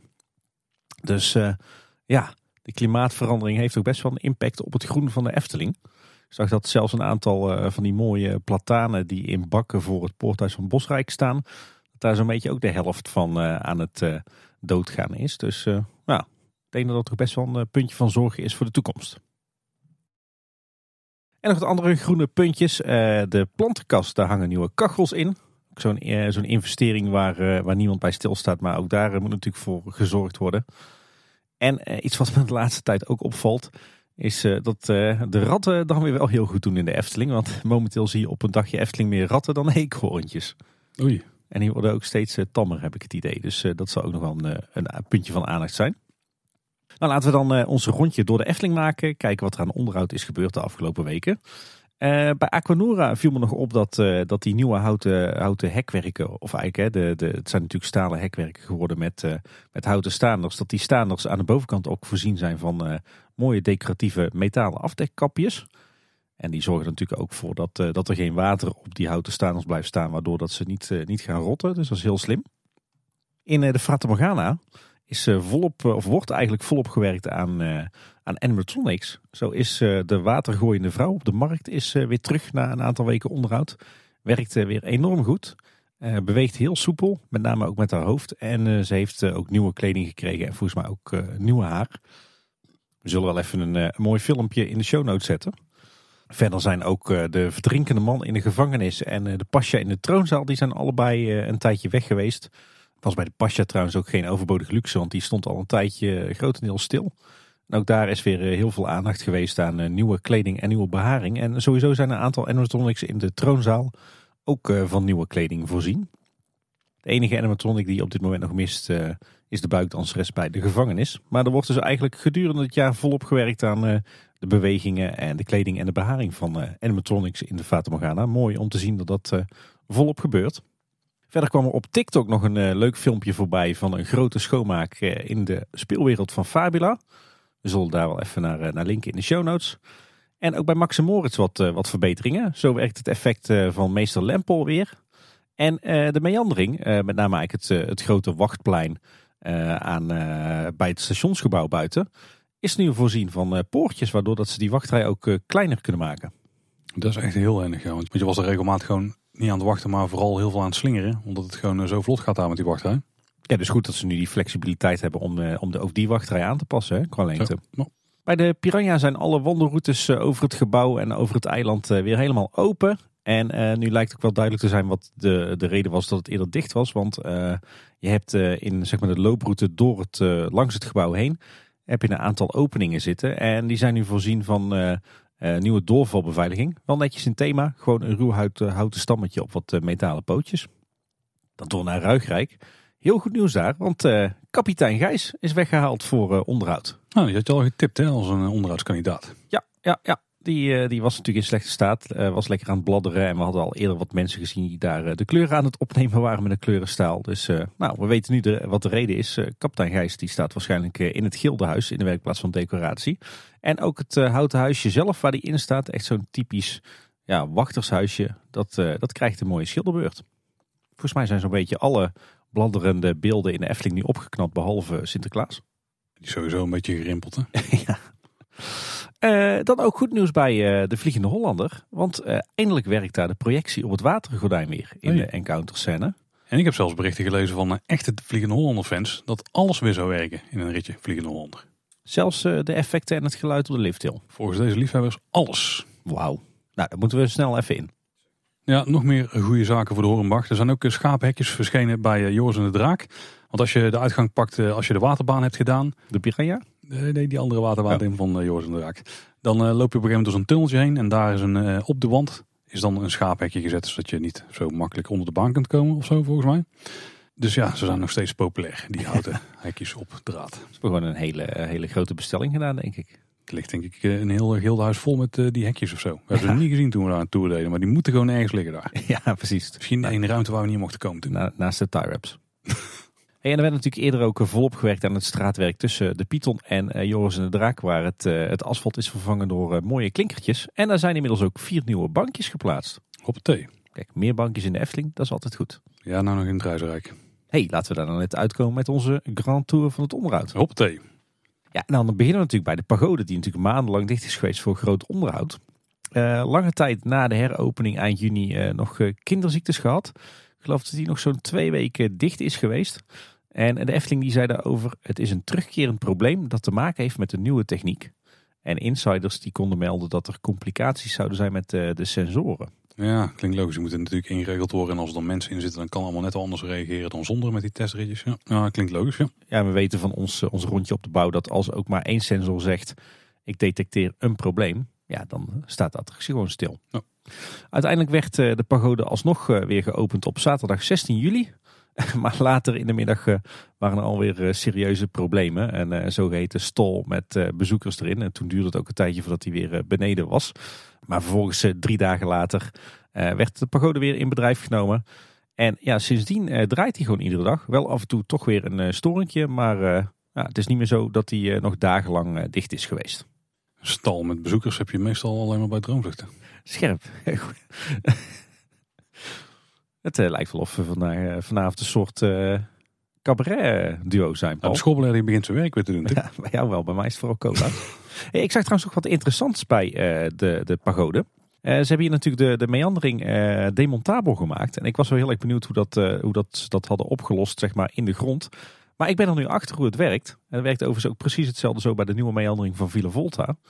Wat ze dus gedaan hebben, is dat ze uh, onder het straatwerk hebben ze eigenlijk uh, gegalvaniseerde buisjes uh, vastgemaakt met een voetplaatje. Dus het is zeg maar een buis op een, op een stalen plaat.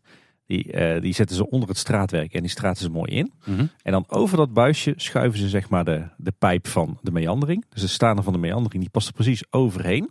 En dan in de voet draaien ze een inbusje vast en zo klemmen ze hem zeg maar op dat buisje wat onder het straatwerk zit. Maar ook hij zakt niet de grond in dan dus? Nee, Nee, nee, nee. Dus zeg maar het, het, het geverfde, het groene gedeelte, dat, uh, dat blijft ja, zeg maar boven het straatwerk. Ah, okay. Er zit ook een, een mooi kraagje over, uh, rondomheen, zodat hij zeg maar, het, het straatwerk een beetje afdekt. Netjes. Ja, dus uh, ja, goed, goed bedacht door de Efteling.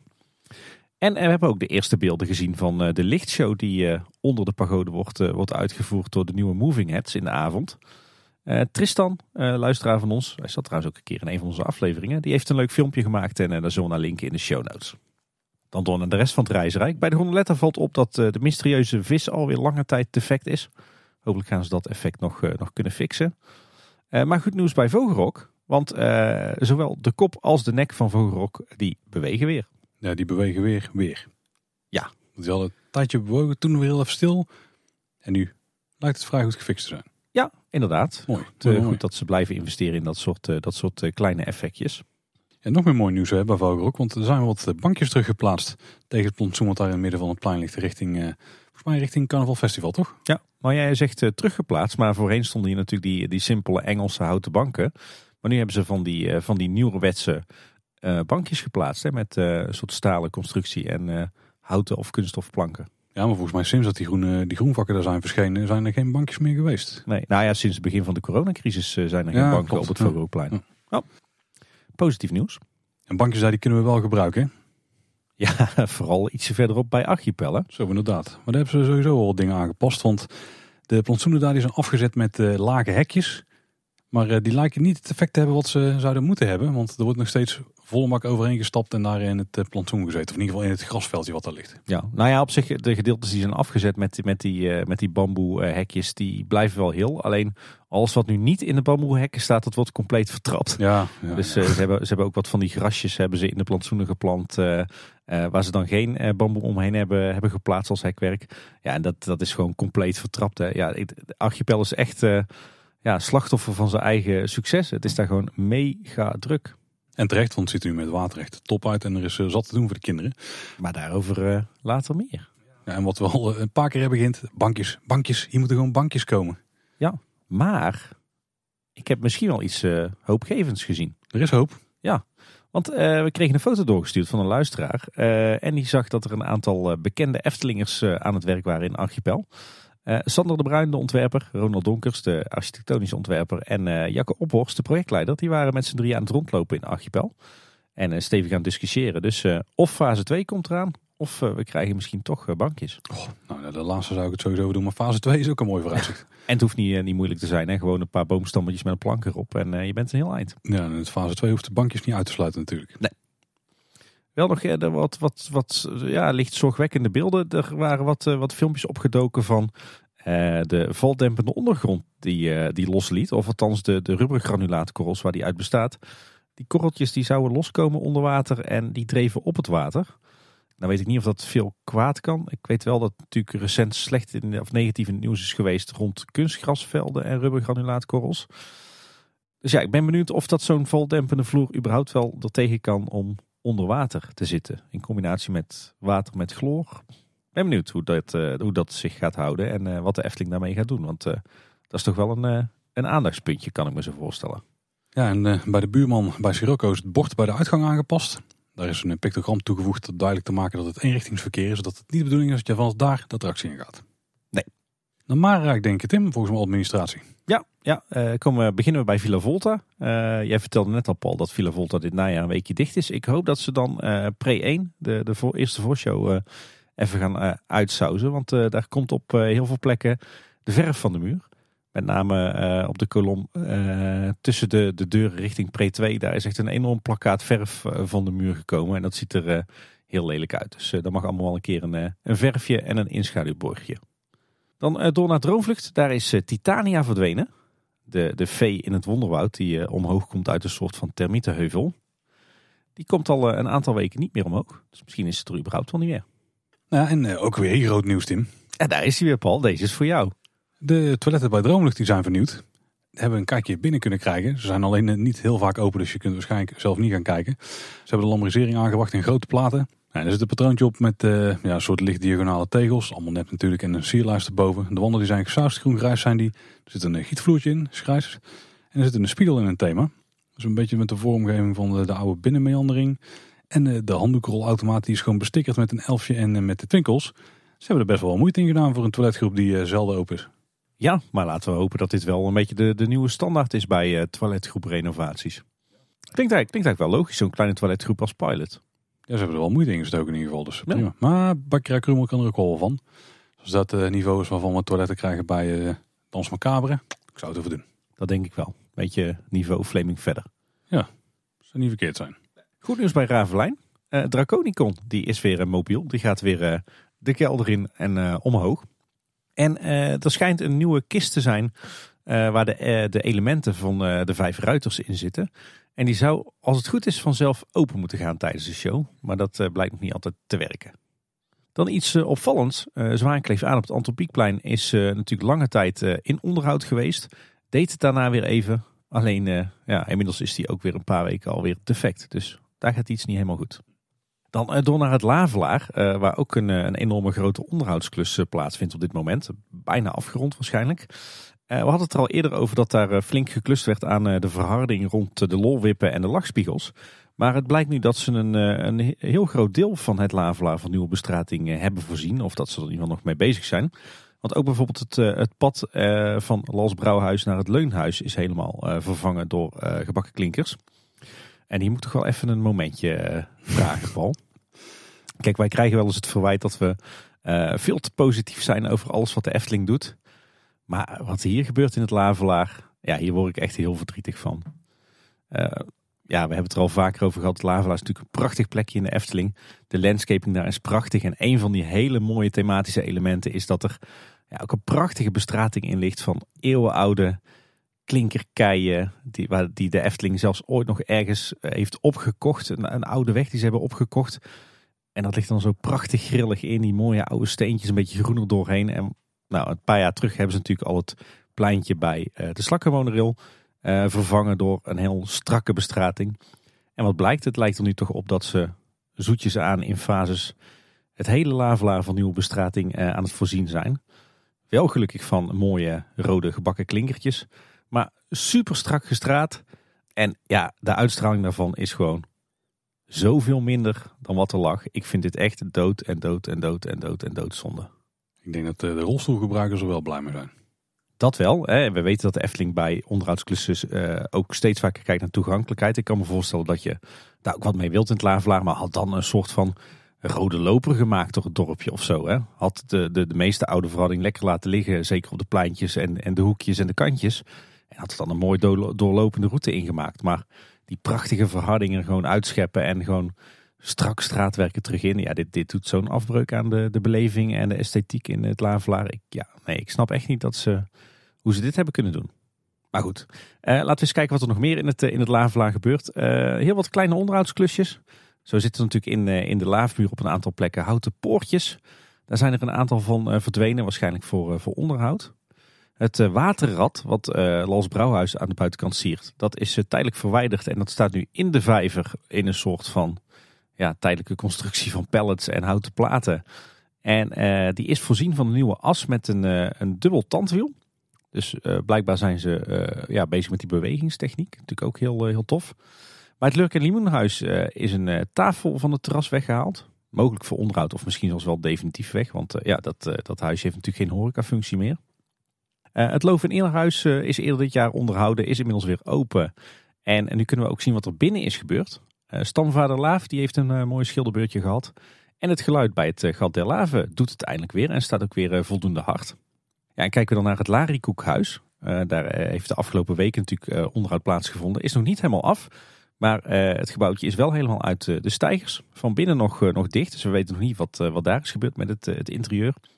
Inmiddels zijn de laven bij de molenwieken wel teruggeplaatst. De molen zelf die draait nog niet. Dus we weten niet of dat effect is gefixt. Het gebouwtje zelf is in ieder geval helemaal, heeft een hele mooie schilderbeurt gehad. Is ook hier flink ingeschaduwd. lekker geel. en ook al het houtwerk is opnieuw gelakt. wat nog terug moet komen is het mooie gedetailleerde uithangbord aan de gevel. En ook het, eh, het brandhout voor de oven, dat moet nog eh, terugkomen. Dan eh, verderop valt op dat een bruggetje bij het Lavelhuis is afgezet. In verband met wat, wat houtrot in de brugleuning. Daar moeten ze nog even naar kijken. De bel van het leerhuis die doet het gelukkig wel nog steeds. en die is ook goed hoorbaar in het dorp. Het lijkt wel dat er iets minder galm achter zit. Dus misschien dat, dat dan de bewoners van de Prinsessenbuurt het wel acceptabel vinden. Laaflektriek uh, dat effectje doet het weer. Hè, met, als je aan de schakelaar trekt, dan, dan wordt hij geëlektrocuteerd door zo'n lamp. En ook de wasbakjes bij Lots Kraamhuis die werken weer. Dus ze hebben echt heel veel aandacht besteed aan al die kleine effectjes. Enige effect wat, wat nog niet werkt ehm, is de schoorsteenveger. Grote lef op het glijhuis. Die staat al een tijd stil. Dus hopelijk kunnen ze die ook nog fixen. En Loopings die heeft nog gevraagd aan de Efteling van... joh, wanneer is het nou eindelijk klaar, al het werk in het Lavelaar? En Efteling die geeft aan dat naar verwachting het Lavelaar eind deze zomer weer helemaal klaar is. Maar wanneer precies, dat blijft afhankelijk van de werkzaamheden. Het lijkt dat vooral dat, dat straatwerk in een deel van het Lavelaar, dat dat nog wat, wat tijd vergt. Dan door richting het Antropiekplein. daar valt nog op dat een raampje in een van de dakkapellen van de Smulpaap is gesneuveld. En ik zag iets heel leuks bij de Grote Zweef. Ik weet niet of jou het ook is opgevallen, Paul. Een tijdje niet geweest, dus brandlos. Nou, de, de meeste molens op het, het Anton Pieckplein die hebben natuurlijk een bedieningspaneel in het, het wachtershuisje, in het hokje zeg maar. Maar vaak staan de medewerkers staan buiten. Wat natuurlijk heel begrijpelijk is, want die dingen worden snel een broeikas. En het leuke is dat de grote zweef nu ook een bedieningspaneeltje aan de buitenkant heeft gekregen. Met alleen een noodstop en een stopknop. En een dodemansknop. En uh, die gaat dus om de, om de zoveel secondes gaat die piepen. En dan moet de medewerker moet op een knopje drukken. En als de medewerker dat niet doet, dan zet de zweefmolen zichzelf automatisch stil. Dus op die manier kan de molen blijven draaien. Terwijl de medewerker niet bij het bedieningspaneel staat. Interessante nieuwigheid vond ik. Leuk uh, om te zien dat daar ook goed naar is gekeken. Dan nog een kleinigheidje in de Marskramer. Daar heb je natuurlijk binnen een aantal van die hele mooie themadeuren. Die, die bestikkerd zijn met ja, wat, wat, wat mooie sprookjesachtige teksten. Een van die deuren die is flink beschadigd, waardoor je ja, die letters niet meer ziet. Dat is wel erg jammer. En dan nog een rondje sprookjesbos. In het grote kabouterhuis hebben ze volgens mij last van wat ongedierte of een vogelnestje op het kabouterhuis. Want daar ligt een berg vogelstronten in het showtje. Hm. Bij Pinocchio in het huis van Geppetto dansen de danspaardjes op de vloer niet, of in ieder geval erg traag. Wat wel mooi is, is dat eh, het eh, marionetje terug is in het uithangbord. Een heel tof eh, detail. Bij Rapunzel vond natuurlijk ook een tijdje terug wat onderhoud plaats. Daar hebben ze nu ook wat scheuren in het stukwerk. In het muurtje waar de heks achter verborgen zit hersteld. En de heks zelf die geeft af en toe toch nog wat problemen. Die is veel uit de running. Dan bij de Zeemermin is een, een houten mast omgevallen. Waar wat decorverlichting aan zat. Die is denk ik op, eh, op grondniveau doorgerot en toen omgevallen. En bij Assenpoester heeft ook een flinke onderhoudsbeurt plaatsgevonden. Het gebouw stond een tijdje in de stijgers en het sprookje was gesloten. Werd overigens niet gemeld op de onderhoudskalender, omdat het ja, weinig impact had natuurlijk. Daarbij zijn alle gevels van het landhuis gesausd en ook weer ingeschaduwd. En ook het muurtje tussen Assenpoester en de Kleine Klaroen en het Herautenplein is ook helemaal opnieuw gesausd en ingeschaduwd. Het enige wat daar nog mist is het sprookjesboek. Dan eh, vindt er graafwerk plaats in eh, de slootjes van de magische klok. Daar zijn ze met leem bezig. Dus misschien dat ze die slootjes weer waterdicht willen maken. Tussen het meisje met de zwavelstokjes en Kniesoor is een, een nieuw schapenhek geplaatst. Daar heb je meer, Paul. En bij de sprookjesboom is de animatronic van de specht weer terug. Die, die beweegt ook weer, die is een tijdje weg geweest.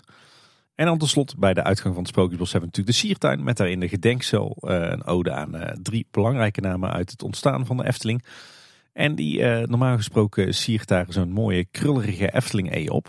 En die is even weg. Ik denk dat die opnieuw in het bladgoud wordt gezet. Ik zal jouw stem even sparen Tim en de laatste paar items doen. In de wereld van Efteling zijn nog wat dingen gebeurd. Er is een boominspectie geweest in het Duitse bosje en in Bosrijk. Er zijn veel dode bomen in het Duitse bosje. Dus er zal wel wat weggehaald gaan worden. En de lampen in het Duitse bosje zijn nu echt volledig vervangen. Dus die zijn nu, allemaal vervangen voor die hufteproof boomstamachtige lampen. Kijk, Duits bosje moet eigenlijk ook op de bingo kaart hè, van Kleine Boodschap. Daar zal die vast wel op staan bij heel veel mensen.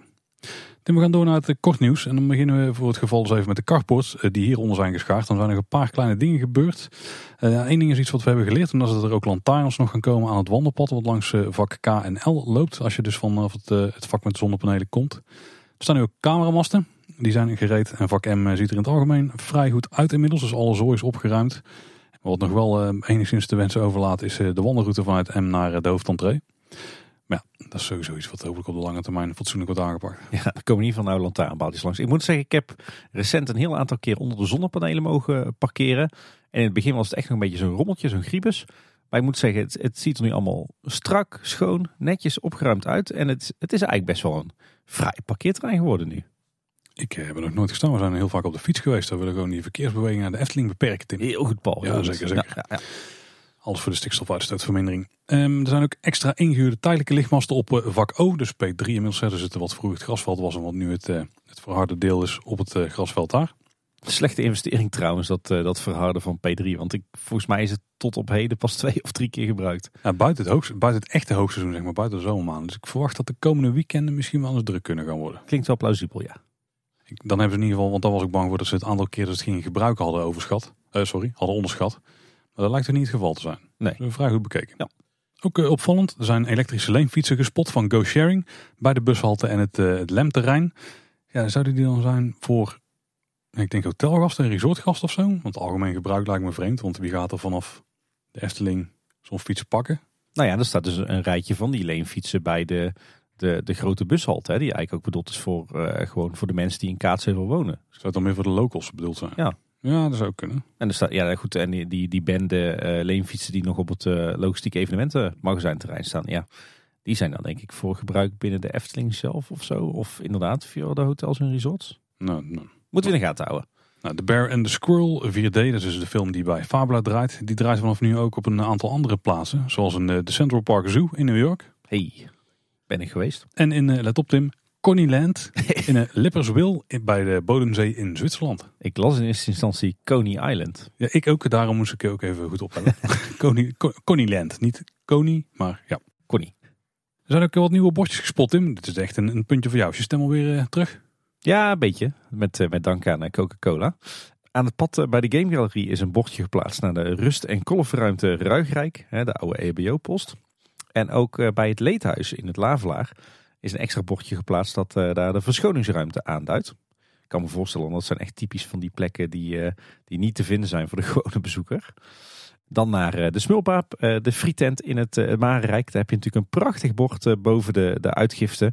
of boven de kassas moet ik eigenlijk zeggen. Er staat trouwens ook een leuk YouTube filmpje online van een luisteraar van Kleine Boodschap die dat ding eigenhandig aan na, nabouwen is. Maar dat terzijde. Maar daar hebben ze voor de duidelijkheid, hebben ze nu onder dat bord nog de tekst friet en snacks toegevoegd. Mocht je het niet weten. Ja, wat best bijzonder is, want de smulpaap die hangt boven een bord met friet. Maar goed, de wandelwagenstalling bij het terras van Panorama, die, uh, die natuurlijk bedoeld is vooral voor Archipel, die is inmiddels ook voorzien van wat bordjes die aanduiden dat, daar, uh, dat je daar je wandelwagen kwijt kunt. En op de achterzijde van het wachttijdenbord uh, van Baron 1898, zeg maar bij de grouper die jou indeelt in ploeg A en ploeg B, daar hebben ze nu een mooie gethematiseerde sticker aangebracht met een boodschap. Hier komt die. Berg nu vast al je losse voorwerpen op die je bij je hebt. Wat een beetje, al, zo, ja? ja? een beetje spreektaal is, een beetje krommer uitkomt. Dus uh, ja, goed, de boodschap is duidelijk, zullen we maar zeggen. En uh, nog een hele leuke, de Old One Out. Bij Apollo's Keuken maken ze tegenwoordig gebruik van een krijtbord. En volgens mij is het personeel daar heel creatief met krijtstift. Want er komen hele mooie creaties voorbij uh, af en toe. Ja, toch voelt het wel een beetje cheapy hè, met zo'n krijtbord. Klein beetje wel, ja. Kunnen ze wel iets aan doen. Maar ze kunnen wel, uh, ik vind wel een paar keer een hele mooie uitbeelding van pollen voorbij zien komen. Dat is wel iemand met talent inderdaad. Zeker. Nieuw, je kunt voortaan entree-tickets kopen op de zuide voor parkeerkaartjes. Ja, ja. Maar dan rijst de vraag natuurlijk wel, hoe zit het dan met die reserveringen? Zou je die dan meteen erbij krijgen voor die dag? Want ik neem aan als je daar tickets koopt dat je dat niet doet voor overmorgen. Ja, goed punt. En kan het dan ook alleen maar als je er op dat moment bent en er zijn nog vrije plaatsen beschikbaar? Nou, volgens mij zijn er altijd plaatsen, want de reserveringen zijn een beetje een wassen neus. Dat is ook weer zo, ja. Er wordt in den landen en ook in het buitenland reclame gemaakt voor de Efteling. Want de, de Abris, we hebben, hebben ze weer Tim, die heb je bijvoorbeeld ook in Berlijn. En daar hangt zelfs Efteling reclame op. We zijn we flink aan het werven in het buitenland. Niet, niet gezien toen ik daar in mijn vakantie was. Maar niet alleen daar, namelijk ook aan de Belgische kust. Daar rijdt zo'n kustremmetje op en neer. En een daarvan die is nu volledig beplakt met Efteling reclame. Ja, heel tof. Van een aantal Belgische luisteraars van Kleine Boodschap die, uh, die maakten er een sport van om er uh, langs te gaan en foto's te maken. Overigens is er volgens mij ook een Britse persreis naar de Efteling gegaan. Want ik kwam echt een paar prachtige, extreem enthousiaste recensies uh, tegen van Britse kranten. Volgens mij The Sun en The Times, die zijn allebei in de Efteling geweest. En nou, die vonden de Efteling echt prachtig. Veel Britten die zijn er wel weg van. Ja, Britten hebben iets met Efteling hè? En terecht natuurlijk. Ja. De Efteling die wordt veel besproken en dat blijkt ook wel uit onderzoek van media monitorbureau Clipit. Er nooit van gehoord. maar die hebben de populariteit van de top 25 dagattracties in de Nederlandse media onderzocht. Geen heel sterk onderzoek, Tim, want het liep van 1 mei tot 30 juni. In één jaar, dus maar twee maanden. Ja, dat is maar net wat er dan leeft, wat er dan veel genoemd wordt. Maar de Efteling die werd in ieder geval het meest genoemd. veruit het meeste. Want ik geloof dat de Efteling dubbel zo vaak werd genoemd als de nummer 2 en als het Rijksmuseum in Amsterdam. Wat toch ook wel een aardige toeristische attractie is. Ja, ze hadden 30.000 berichten gevonden in de traditionele online en social media in twee maanden tijd. En het eh, Rijksmuseum had eh, ruim 14.000 berichten. Er zijn van die 30.000 berichten er wel ongeveer 1200 van kleine boodschap. Dus uh, nou, zet het een beetje in perspectief natuurlijk. Maar, maar ik denk dat het serieus wel komt dankzij de enorme groep Efteling-liefhebbers op social media en online in, het algemene, in de algemene zin. Dat er zoveel rond de Efteling te doen is natuurlijk. Zonder twijfel, ja. Dan naar de merchandise. Veel merchandise nieuws ook weer. heel belangrijk voor de verzamelaars. Het nieuwe fotoboekje is uit. Hey. En uh, ja, wat is er dan veranderd? Uh, voorop uh, het fotoboekje prijkt de beeldenis van Simbad, zoals we die kennen uit de wereld van Simbad hè, op zijn scheepje. En wat verder nog nieuw is, is dat achter op het boekje het logo van 70 jaar Efteling staat. En die huisstijl met, met al die icoontjes op een zwarte achtergrond. het Huis van de Vijf Zintuigen en dat opengeslagen boek. En ook de binnenflap, die heeft diezelfde huisstijl. En de uitklappagina midden in het boekje met het, uh, het nietje door de navel. Die staat uh, volledig in het teken van de wereld van Simbad. Met uh, foto's van Sirocco, Archipel en Vogelrok. En vanaf vrijdag 8 juli kan het eindelijk, Tim. We hebben het al meermaals hierover gehad. Maar je kunt voortaan contactloos betalen bij de Ezel, bij Ezeltje Strekje. De kaartlezer die is daarbij in het deurtje verwerkt. Ziet er op zich wel prima uit. Het is nu vernieuwd en het is kunststof geworden. Zal natuurlijk wel nodig zijn voor het lezen en zo van die van die chips. Kaartlezer zit een beetje laag. En de laatste paar dagen werkt het ook niet echt eh, super soepel. Dus die optie is op dit moment even uitgeschakeld. Maar het goede begin is er. En ik heb hem al uitgeprobeerd. Hey. Met de pinpast. En dat werkte. We hebben flink geïnvesteerd in Efteling, Tim. nou, dit was de, de minst dure aankoop van de afgelopen weken, ja. En bij Confetti is uh, toen bij de, de rework van het uh, winkeltje bij de uitgang van Carnaval Festival zo'n snoepwand verschenen. Toen vonden we het al een beetje vreemd hè, bij zo'n attractie voor de jonge kinderen. Die is inmiddels uh, verdwenen weer en daar hangen nu souvenirs. Ja, heel mooi. En um, er is ook een berg nieuwe zwemkleding verkrijgbaar in het park. Misschien ook vanwege Archipel. Nou, daar heeft het uh, zeker nut voor, ja. En zo is er uh, UV-kleding van Joki te koop. Een shirt en een broekje. bij Joki's Wereld uiteraard, maar ook een badponcho. En die, die kleding heeft dan een UV-factor van 50+. Plus. Echt ideaal hier. Want dit is ideaal om uh, even lekker in, uh, in Archipel te gaan badderen natuurlijk. En dan die poncho om je daarna af te drogen. Dat hebben ze heel slim gedaan. Nu, uh, nu nog even bij de speeltuin zelf verkopen. En de perfecte afstand natuurlijk. Ja. Maar voor de wat grotere kinderen kun je ook een zwembroek van Ravelijn scoren. Of een badpak van Droomvlucht. Ja Tim, en dit was een bijzonder merchandise nieuws. vooral omdat het nogal groot werd aangekondigd. Ja. Er is namelijk een samenwerking tussen de Efting en de Gift label. En uh, dit werd aangekondigd als uh, een nieuwe geurlijn. Een heel blogbericht aan gewijd. Want er zijn nieuwe lichaamsverzorgingsitems zoals handzeep, handlotion, bodyfoam, bodywash en shampoo. En er is ook een, een homeline voor wat geurtjes in huis met geurstokjes, roomspray en de geurkaars. Ja, ze zijn voorzien, Tim, van ja, een sprookjesachtig Efteling etiket. Volgens de blog wel, ja. Maar volgens mij is dit gewoon een vrij standaard label, want ik zie er echt geen enkel Eftelings element op. ik, ik heb het idee, Tim, um, want dat kwam dan ook eh, uit dezelfde, uh, die, die aap kwam ook uit dezelfde mouw uh, in hetzelfde blogbericht, dat uh, de shampoo, bodywash en handzeep ook na de zomer in de badkamers van hotels en resorts gebruikt kunnen worden. En ik vermoed dat het hele blogbericht een soort van onderdeel was van, onderdeel was van het deeltje. Misschien ja. dat ze wat inkoopkorting kregen of zo op al die items. als de Efteling daar dus echt extra aandacht aan zou besteden. Want daardoor wordt het natuurlijk weer meer verkocht, gunstig voor de leverancier. Eftelingen uh, minder kosten. Ik, ik, denk dat het zoiets is, want dit, dit is echt heel vreemd. Het, het, het, voelt inderdaad gewoon als een, als een deal. Als een samenwerkingsovereenkomst, ja. Nou, check in ieder geval het blogbericht mocht je toch interesse hebben. Ik kan me voorstellen dat als je in het hotel hebt geslapen en je vond de geur van de shampoo bijvoorbeeld uh, schitterend, dat je dan graag zo'n flesje mee naar huis wil nemen. Dat heb ik nou nog nooit gehad. Dat kan dan dus. Maar er zijn mensen die daar echt helemaal uh, los op gaan. Ieder, ieder zijn ding, zullen we maar zeggen. ja, dus wat dat betreft prima. Wat je in ieder geval niet meer kunt scoren in het park, er zijn de interactieve twinkeltoortsen. Die worden al een tijdje meer verkocht. En ook die interactieve punten zijn verdwenen. Sommige wat rigoureuzer dan andere. Zoals die die bij de kluis stond om eroverheen te spreken. Het is niet heel duidelijk wat er nou gaat gebeuren met de resterende punten. Ja, volgens mij is het een beetje een project wat de stille dood is gestorven. Lijkt niemand echt prioriteit aan te geven binnen de Efteling. En het werkt al zo snel niet echt lekker meer dat ik denk dat dit gewoon een gefaald experiment was. Dat denk ik ook. Jammer. Het was, was op zich, het concept was leuk en de uitvoering aardig. Maar ik denk dat de Nederlandse markt er ook nog niet klaar voor is. Ja, misschien wel, maar de uitvoering had net wat meer, uh, net een grotere investering ja. mogen hebben, denk ik. Ik ben in ieder geval blij dat we er eentje thuis hebben liggen. Voor de verzameling. Ja. er zijn ook twee kleine entertainment updates. Zo zijn er bij de Jokin Show nieuwe poppen. Ja. En eh, interessant, eh, ik heb een aantal keer opgevangen dat er eh, geen eh, muziekkorpsen en eh, orkesten meer in de Efteling zouden mogen kunnen optreden. Bijvoorbeeld op de kiosk van het Witte Paard. Dat werd eh, ook vanuit verschillende kanten gehoord. Maar toch de laatste weken ineens weer een aantal optredens op de kiosk. Afgelopen week zelfs een, eh, een jazzorkest uit eh, Groot-Brittannië. Oh, Dat eh, klonk eh, verdorie goed zeg.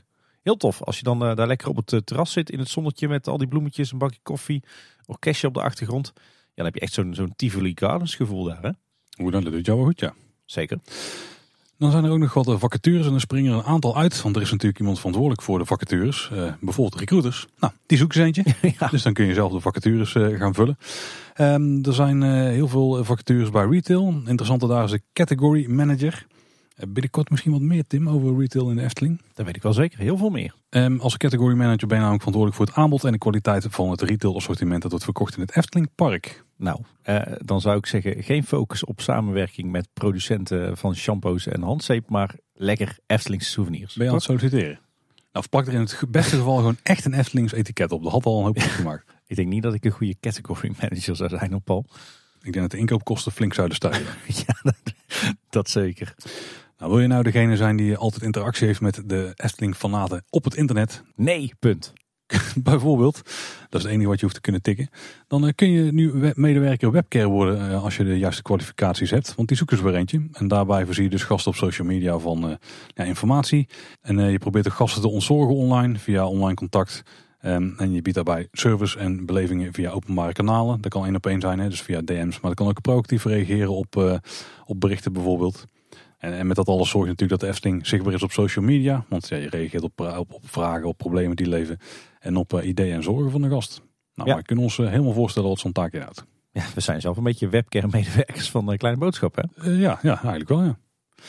En dan nog een, een, een andere aardige functie. Producer Park Entertainment. Ja, deze is heel cool. En dat is de, dus degene die verantwoordelijk is voor het organiseren van de parkproducties en entertainmentprojecten. En je maakt ook de, de entertainmentprogrammering. Heel cool. Nou, je je ook bezig met de, de kostencalculaties voor het entertainment. Nou, dat is natuurlijk heel belangrijk. Hè? En je verzorgt het productieproces van Park Entertainment. En een van de laatste dingen die ze melden in de vacature is dat je ook eh, de begeleiding doet van de uitvoering van alle parkproducties. En je bewaakt de kwaliteit van, eh, van het entertainment. Klinkt als een hele leuke, uitdagende functie. Dit is, eh, is het de, nieuwe Jeroen Zwartjes? Nee, die, dat was manager entertainment, hè? Ja, oké. Ik dacht, oké. En dan een opvallende. eh, de Efteling zoekt weer een onderhoudsmonteur werktuigbouwkunde. Dat, eh, dat hebben ze wel vaker. Maar ze zoeken nu ook een opstart onderhoudsmonteur werktuigbouw. Dat is een functie voor 20 uur in de week. En dan werk je alleen in de ochtenduren tussen 6 Oh. en 10. De werkzaamheden die bestaan dan uit het uitvoeren van controles. Waarschijnlijk bij het opstarten van attracties. En het eh, direct uitvoeren van eh, daaruit voortkomende reparaties. Dan heb jij het eerste krantje al gelezen, Tim, tegen zes uur. Ja, tegenwoordig niet meer. Ik heb mijn dag- en nachtritme omgegooid. Oh, oké. Ben je toch eh, meer naar de, de reguliere tijden gegaan? Precies. Maar eh, ja, wel grappig. Een parttime functie tussen 6 en 10 's ochtends. En wat trouwens ook nog opviel in de vacatures, is dat er nog steeds veel horecavacatures openstaan. Dat is op zich niet zo bijzonder, hè, want bij het park en hotels en resorts zoeken ze altijd mensen. Maar ook weer bij evenementen. Ja, dus die evenemententak die ze twee jaar geleden gedag hebben gezegd, die lijken ze nu toch weer flink aan het opbouwen zijn. Ik weet niet of het nog steeds een losse tak is, maar er zijn natuurlijk steeds meer evenementen weer in het park. Hè. De Pieter Meijden wordt daar bijvoorbeeld voor gebruikt. Ik denk dat ze op dat soort momenten gewoon extra mensen nodig hebben. hè. Ja, nee, het is geloof ik zo dat, dat evenementen valt nu onder theater en evenementen. En dat valt dan weer onder hotels en resorts. Kunt u het nog volgen? Hoe, eh, hoe zit de hark in elkaar, hè? Ja, wat, wat opvalt als we het toch over personeel hebben, is dat er eh, stiekem best wel een groot aantal uitzendkrachten aan het werk is in de Efteling. Eh, natuurlijk heel begrijpelijk en dat zijn natuurlijk ook allemaal hele eh goede, leuke mensen. Maar aan de andere kant, het, het- er valt me ook wel iets op. En dat is dat je, dat je ehm, even los van het feit welke schoenen dat ze aan hebben, dat je toch ook wel verschillen ziet in gedrag tussen Efteling-medewerkers en uitzendkrachten. Kijk, voor de, voor de norma- normale bezoekers zijn het allemaal Efteling-medewerkers, want ze hebben allemaal een Efteling-pakje aan. Maar het valt me op dat ehm, uitzendkrachten toch vaker met, met groepjes door het park lopen, een beetje lol lopen te trappen, selfies maken, op telefoon kijken waar, eh, waar bezoekers bij zijn. En ja, dat is toch wel ergens wel kwalijk, want ja, eh, de, de, de Efteling-bezoeker, die weet niet dat dat tijdelijke uitzendkrachten zijn. Die denken, oh, dat zijn Eftelingers. Lopen die eh, door het park terwijl ze op hun telefoon aan het kijken zijn. En, en het valt me ook op, ik weet niet of je dat herkent, Paul. Maar dat, dat zij het uniform ook anders dragen. Dat is me niet opgevallen. Ik ben echt serieus wel naar de schoenen aan het kijken tegenwoordig. Weet je wat me dus opvalt? Maar dat is meer denk ik iets, eh, me- meer iets van gedrag. Als een Efteling-medewerker in zijn Efteling-pakje loopt, in zijn of haar Efteling-pak, dan zie je echt dat ze een bepaalde trots uitstralen. Weet je wel? Ze dragen dat uniform met trots, eh, buik, eh, buik in, borst vooruit, kin omhoog, weet je wel. En vaak behangen met allemaal pins en dingen. En terwijl uitzendkrachten die lopen op de een of andere manier een beetje slobberig, hangerig door het park in dat pakje. Ik weet niet wat het dan is. Dat toch een bepaald soort attitudeverschil tussen vast bij de Efteling werken en ingehuurde uitzendkracht zijn. nee, ik, ja, ik denk dat ze het gewoon niet bijgetraind krijgen met het toestromen van nieuwe mensen. Dat Denk ik ook, denk ik ja, dat is denk ik een lastig om aan te pakken. Want je kan natuurlijk ook niet verwachten dat uitzendkrachten eh, zich op dezelfde manier gedragen als vaste medewerkers. Nou, mocht je in ieder geval eh, iets minder in je vel zitten bij de Efteling als medewerker, dan eh, hebben ze nu een mooie samenwerking die ze zijn aangegaan. Namelijk met een online platform voor mentale fitheid. En daarbij worden ze ondersteund op het gebied van mindfulness. En er kunnen ook psychologen bij betrokken worden. Efteling-medewerkers kunnen daar heel makkelijk gebruik van maken, zo vaak ze maar willen. Ehm, dus eh, nou, extra mooi stukje ondersteuning voor de medewerkers. Ja, dat zou iedere werkgever moeten doen. En als je nou een medewerker bent die graag liever een stukje ontlading heeft, nou, dan kom je ook aan je trekken binnenkort. Zeker. Ja, want personeel wordt weer flink in de watten gelegd. Gelukkig eh, kan het weer eh, zo na corona. Want op 21 september is er weer een groot personeelsfeest. En eh, komend najaar mag al het personeel verdeeld over een aantal eh, weekenden naar eh, Europa Park, waar ze een, weekendje hebben inclusief verblijf. Oh, heel netjes. Cool. Ja.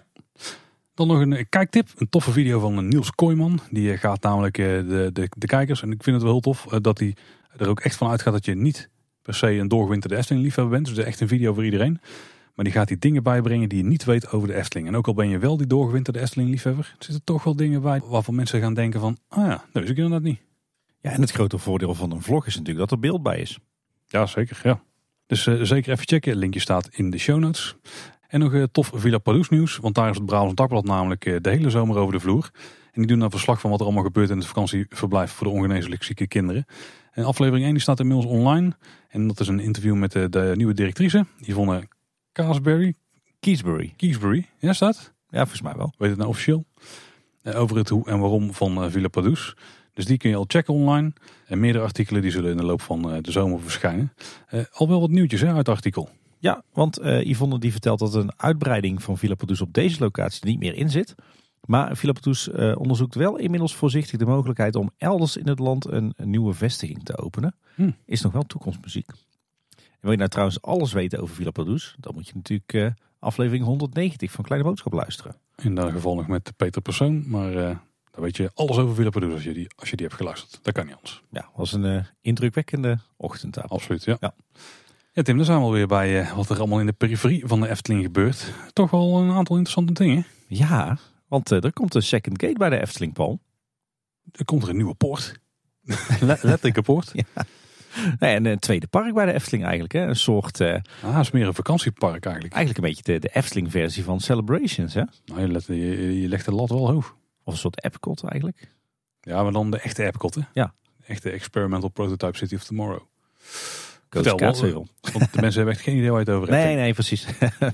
Eh, nou ja, mensen die natuurlijk eh, de afleveringen over het bestemmingsplan Wereld van Efteling 2030 hebben geluisterd, die hebben het misschien wel eens voorbij eh, horen komen.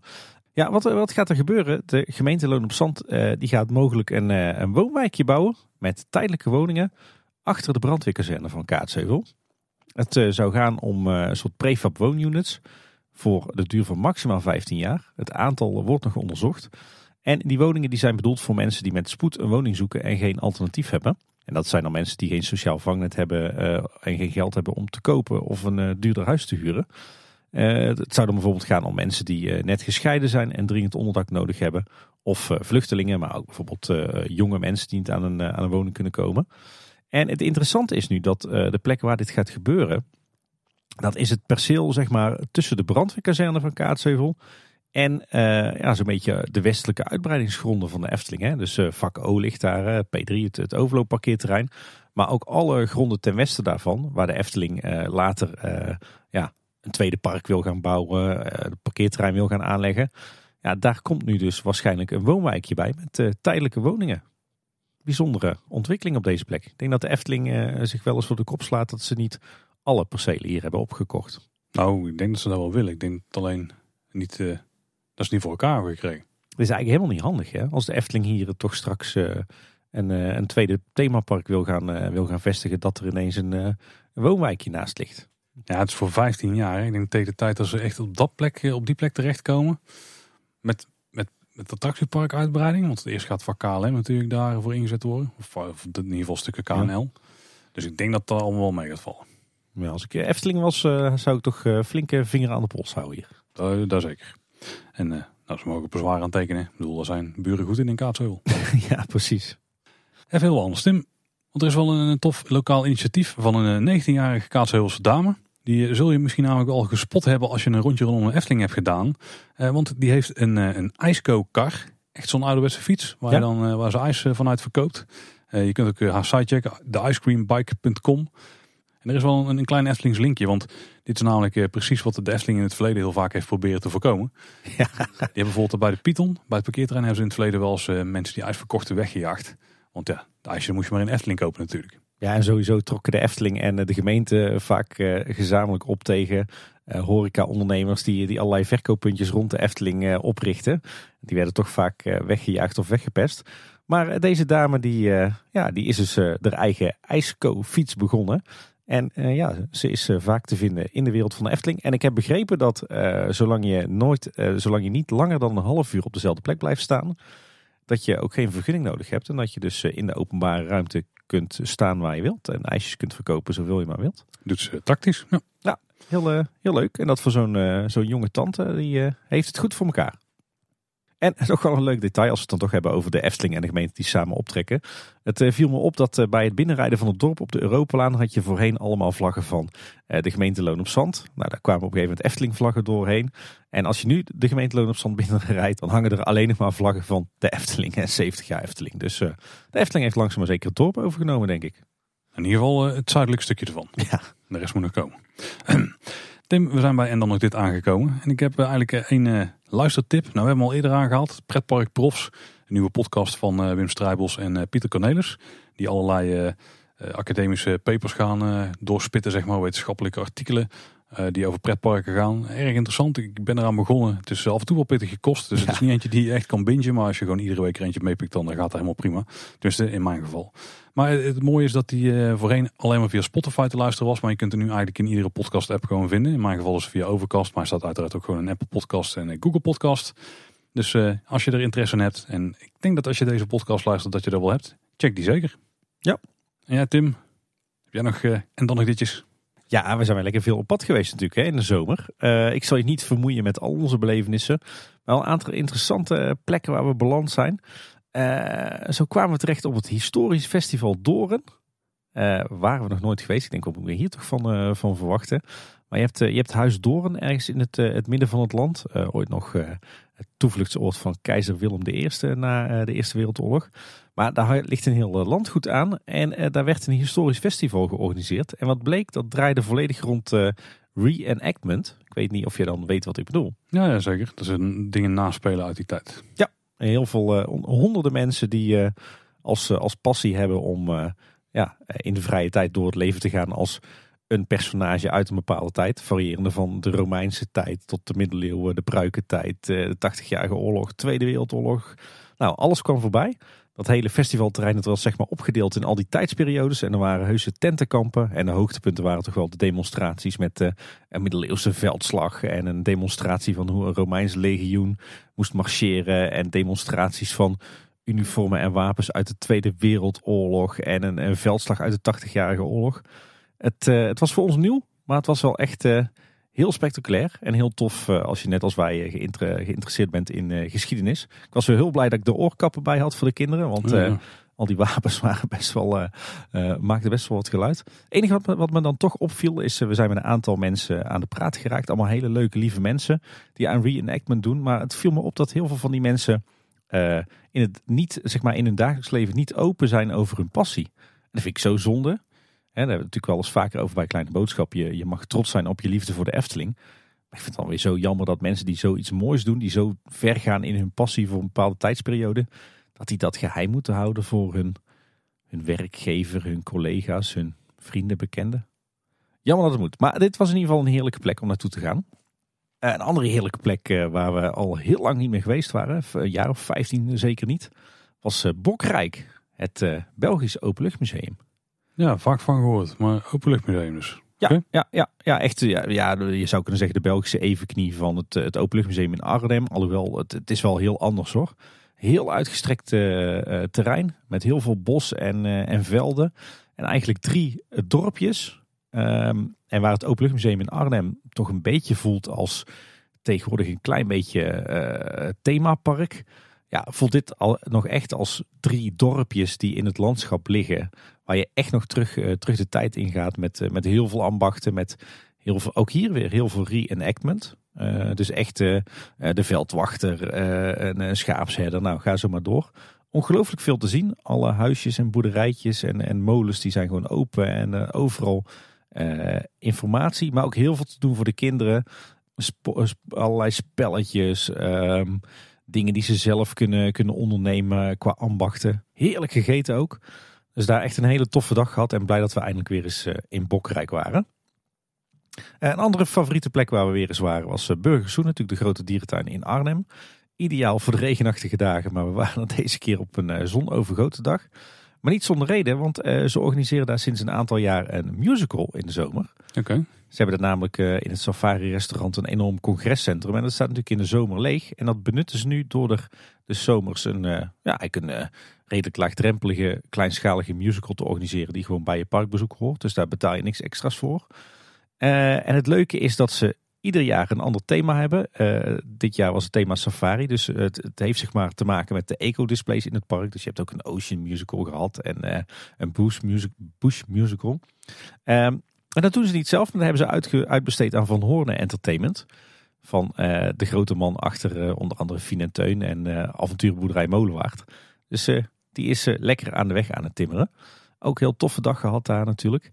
En ja, we dachten, uh, we moeten toch maar eens een keer de Lucky Apple gaan proberen. Je hebt gedaan, ja. Het, uh, het uh, ja, wat is het, buffetrestaurant aan de N261 bij Waalwijk. We hebben natuurlijk zelf de vorige keer, of een, een van onze vorige afleveringen, ook getipt als aanrader. Maar ja, dit was er eentje eens, maar nooit weer. Met kinderen zijn geweest, denk ik ook. Ja. ja. Dat is ook helemaal niet praktisch, toch? Nou, dat was het niet. Ik zal, het, het lag niet aan het restaurant, het lag ook niet aan het eten. Oh, oké. Moet ik dan nog meer vertellen of uh, snap je de hint? Ik uh, snap de hint wel, denk ik. Ja. nou, eh, tot zover. Um, wat ik ook nog leuk vond. Um, Tom en Femke, we kennen ze allebei. De een als Sinaasappel Girl en de andere als uh, de Tom van alle Lego modelletjes. Die, die zijn naar Denemarken en Zweden geweest, volgens mij voor het eerst. En die hebben een heel tof gecomprimeerd reisverslag op Twitter gezet. Die zijn echt in alle, alle parken geweest die ik kon verzinnen in ieder geval. heel tof uh, om uh, te zien. Zeker voor mij als Scandinavië-liefhebber. En tot slot nog een luistertip. Verborgen Verhalen is weer begonnen. De ANWB-podcast over ja, eigenlijk regionale ja, verhalen, spookverhalen bijna wel. die verbonden zijn aan plekken en natuurgebieden in Nederland. en ja, de eerste aflevering van seizoen 2 staat nu online. Gaat over de onthoofding van Zwarte Kaat. Speelt zich af hier in Brabant. En heeft ook een interessant linkje met uh, de bokkenrijders. Hmm. Dus als je wat hebt met storytelling, met verhalen, met regionale verhalen, dan kan ik verborgen verhalen zeer aanraden. Ja, zijn we er weer eh, doorheen, Tim. Ja, voor komkommertijd toch best wel een lange zit. Absoluut, ja. En voordat we gaan afsluiten, eerst nog even de herinnering voor het, het huiswerk aan de luisteraars. Begin alvast met het verzamelen van je voorspellingen voor de glazen bol. En uh, als je een voiceclipje wil opnemen voor Kleine Boodschap 300, dan wil dat ook uh, graag horen. En die, die voorspellingen voor de glazen bol kun je alvast onze kant op sturen. Dan beginnen we alvast met verzamelen. Ja, en de voiceclipjes voor de 300ste aflevering ook toch wel? Oh, zeker. Je mag ze beide al onze kant op sturen. En die voiceclipjes even mailen. info.kleineboodschap.com dus geeft de grootste garantie dat ze binnenkomen. Ik zal de spambox wel vaker checken, want daar komt toch wel eens nog wel binnen tegenwoordig. Maar verder, ja, wil je dus andere dingen aan ons kwijt, buiten die voorspellingen? Nou, dat kan op alle manieren die je, die je wel kent. Kleineboodschap.com slash volgen vind je alle social media kanalen. Als je dan toch al op de site bent, dan kun je dat doorklikken naar het contactformuliertje. Of je mailt dus naar info.kleineboodschap.com. En zoals altijd op onze site vind je ook alle afleveringen. Die kun je luisteren. Maar vooral heel belangrijk, je vindt de show notes waar we af en toe naar refereren tijdens een aflevering. Dus alle linkjes die belangrijk waren in deze aflevering, eh, die staan daar. Kun je alles nog eens rustig checken. Of de vlog van Niels checken. Of bijvoorbeeld verborgen verhalen even luisteren. Staat er allemaal op. Het was weer een lekker lang lijstje deze aflevering. Ik denk het ook wel, ja. Ja, en verder luister je Kleine Boodschap natuurlijk in je favoriete podcast app of op Spotify. Doe je dat nou, zorg dan dat je je zeker abonneert op onze podcast. En natuurlijk op de buitenwereld, onze andere podcast. En we kunnen het ook zeer waarderen als je een rating of een review achterlaat over Kleine Boodschap. Dat kan bij Spotify en dat kan bij Apple Podcasts. En natuurlijk luister je ons ook nog steeds ouderwets op onze website. En dat is kleineboodschap.com. Ja, wat ook heel tof is als je andere mensen wil attenderen op het bestaan van Kleine Boodschap. Want daarmee breiden we onze luisteraarsgroep natuurlijk alleen maar uit. Dat was in ieder geval weer voor deze week. Bedankt voor het luisteren. Tot de volgende keer. En houdoe. Houdoe waar.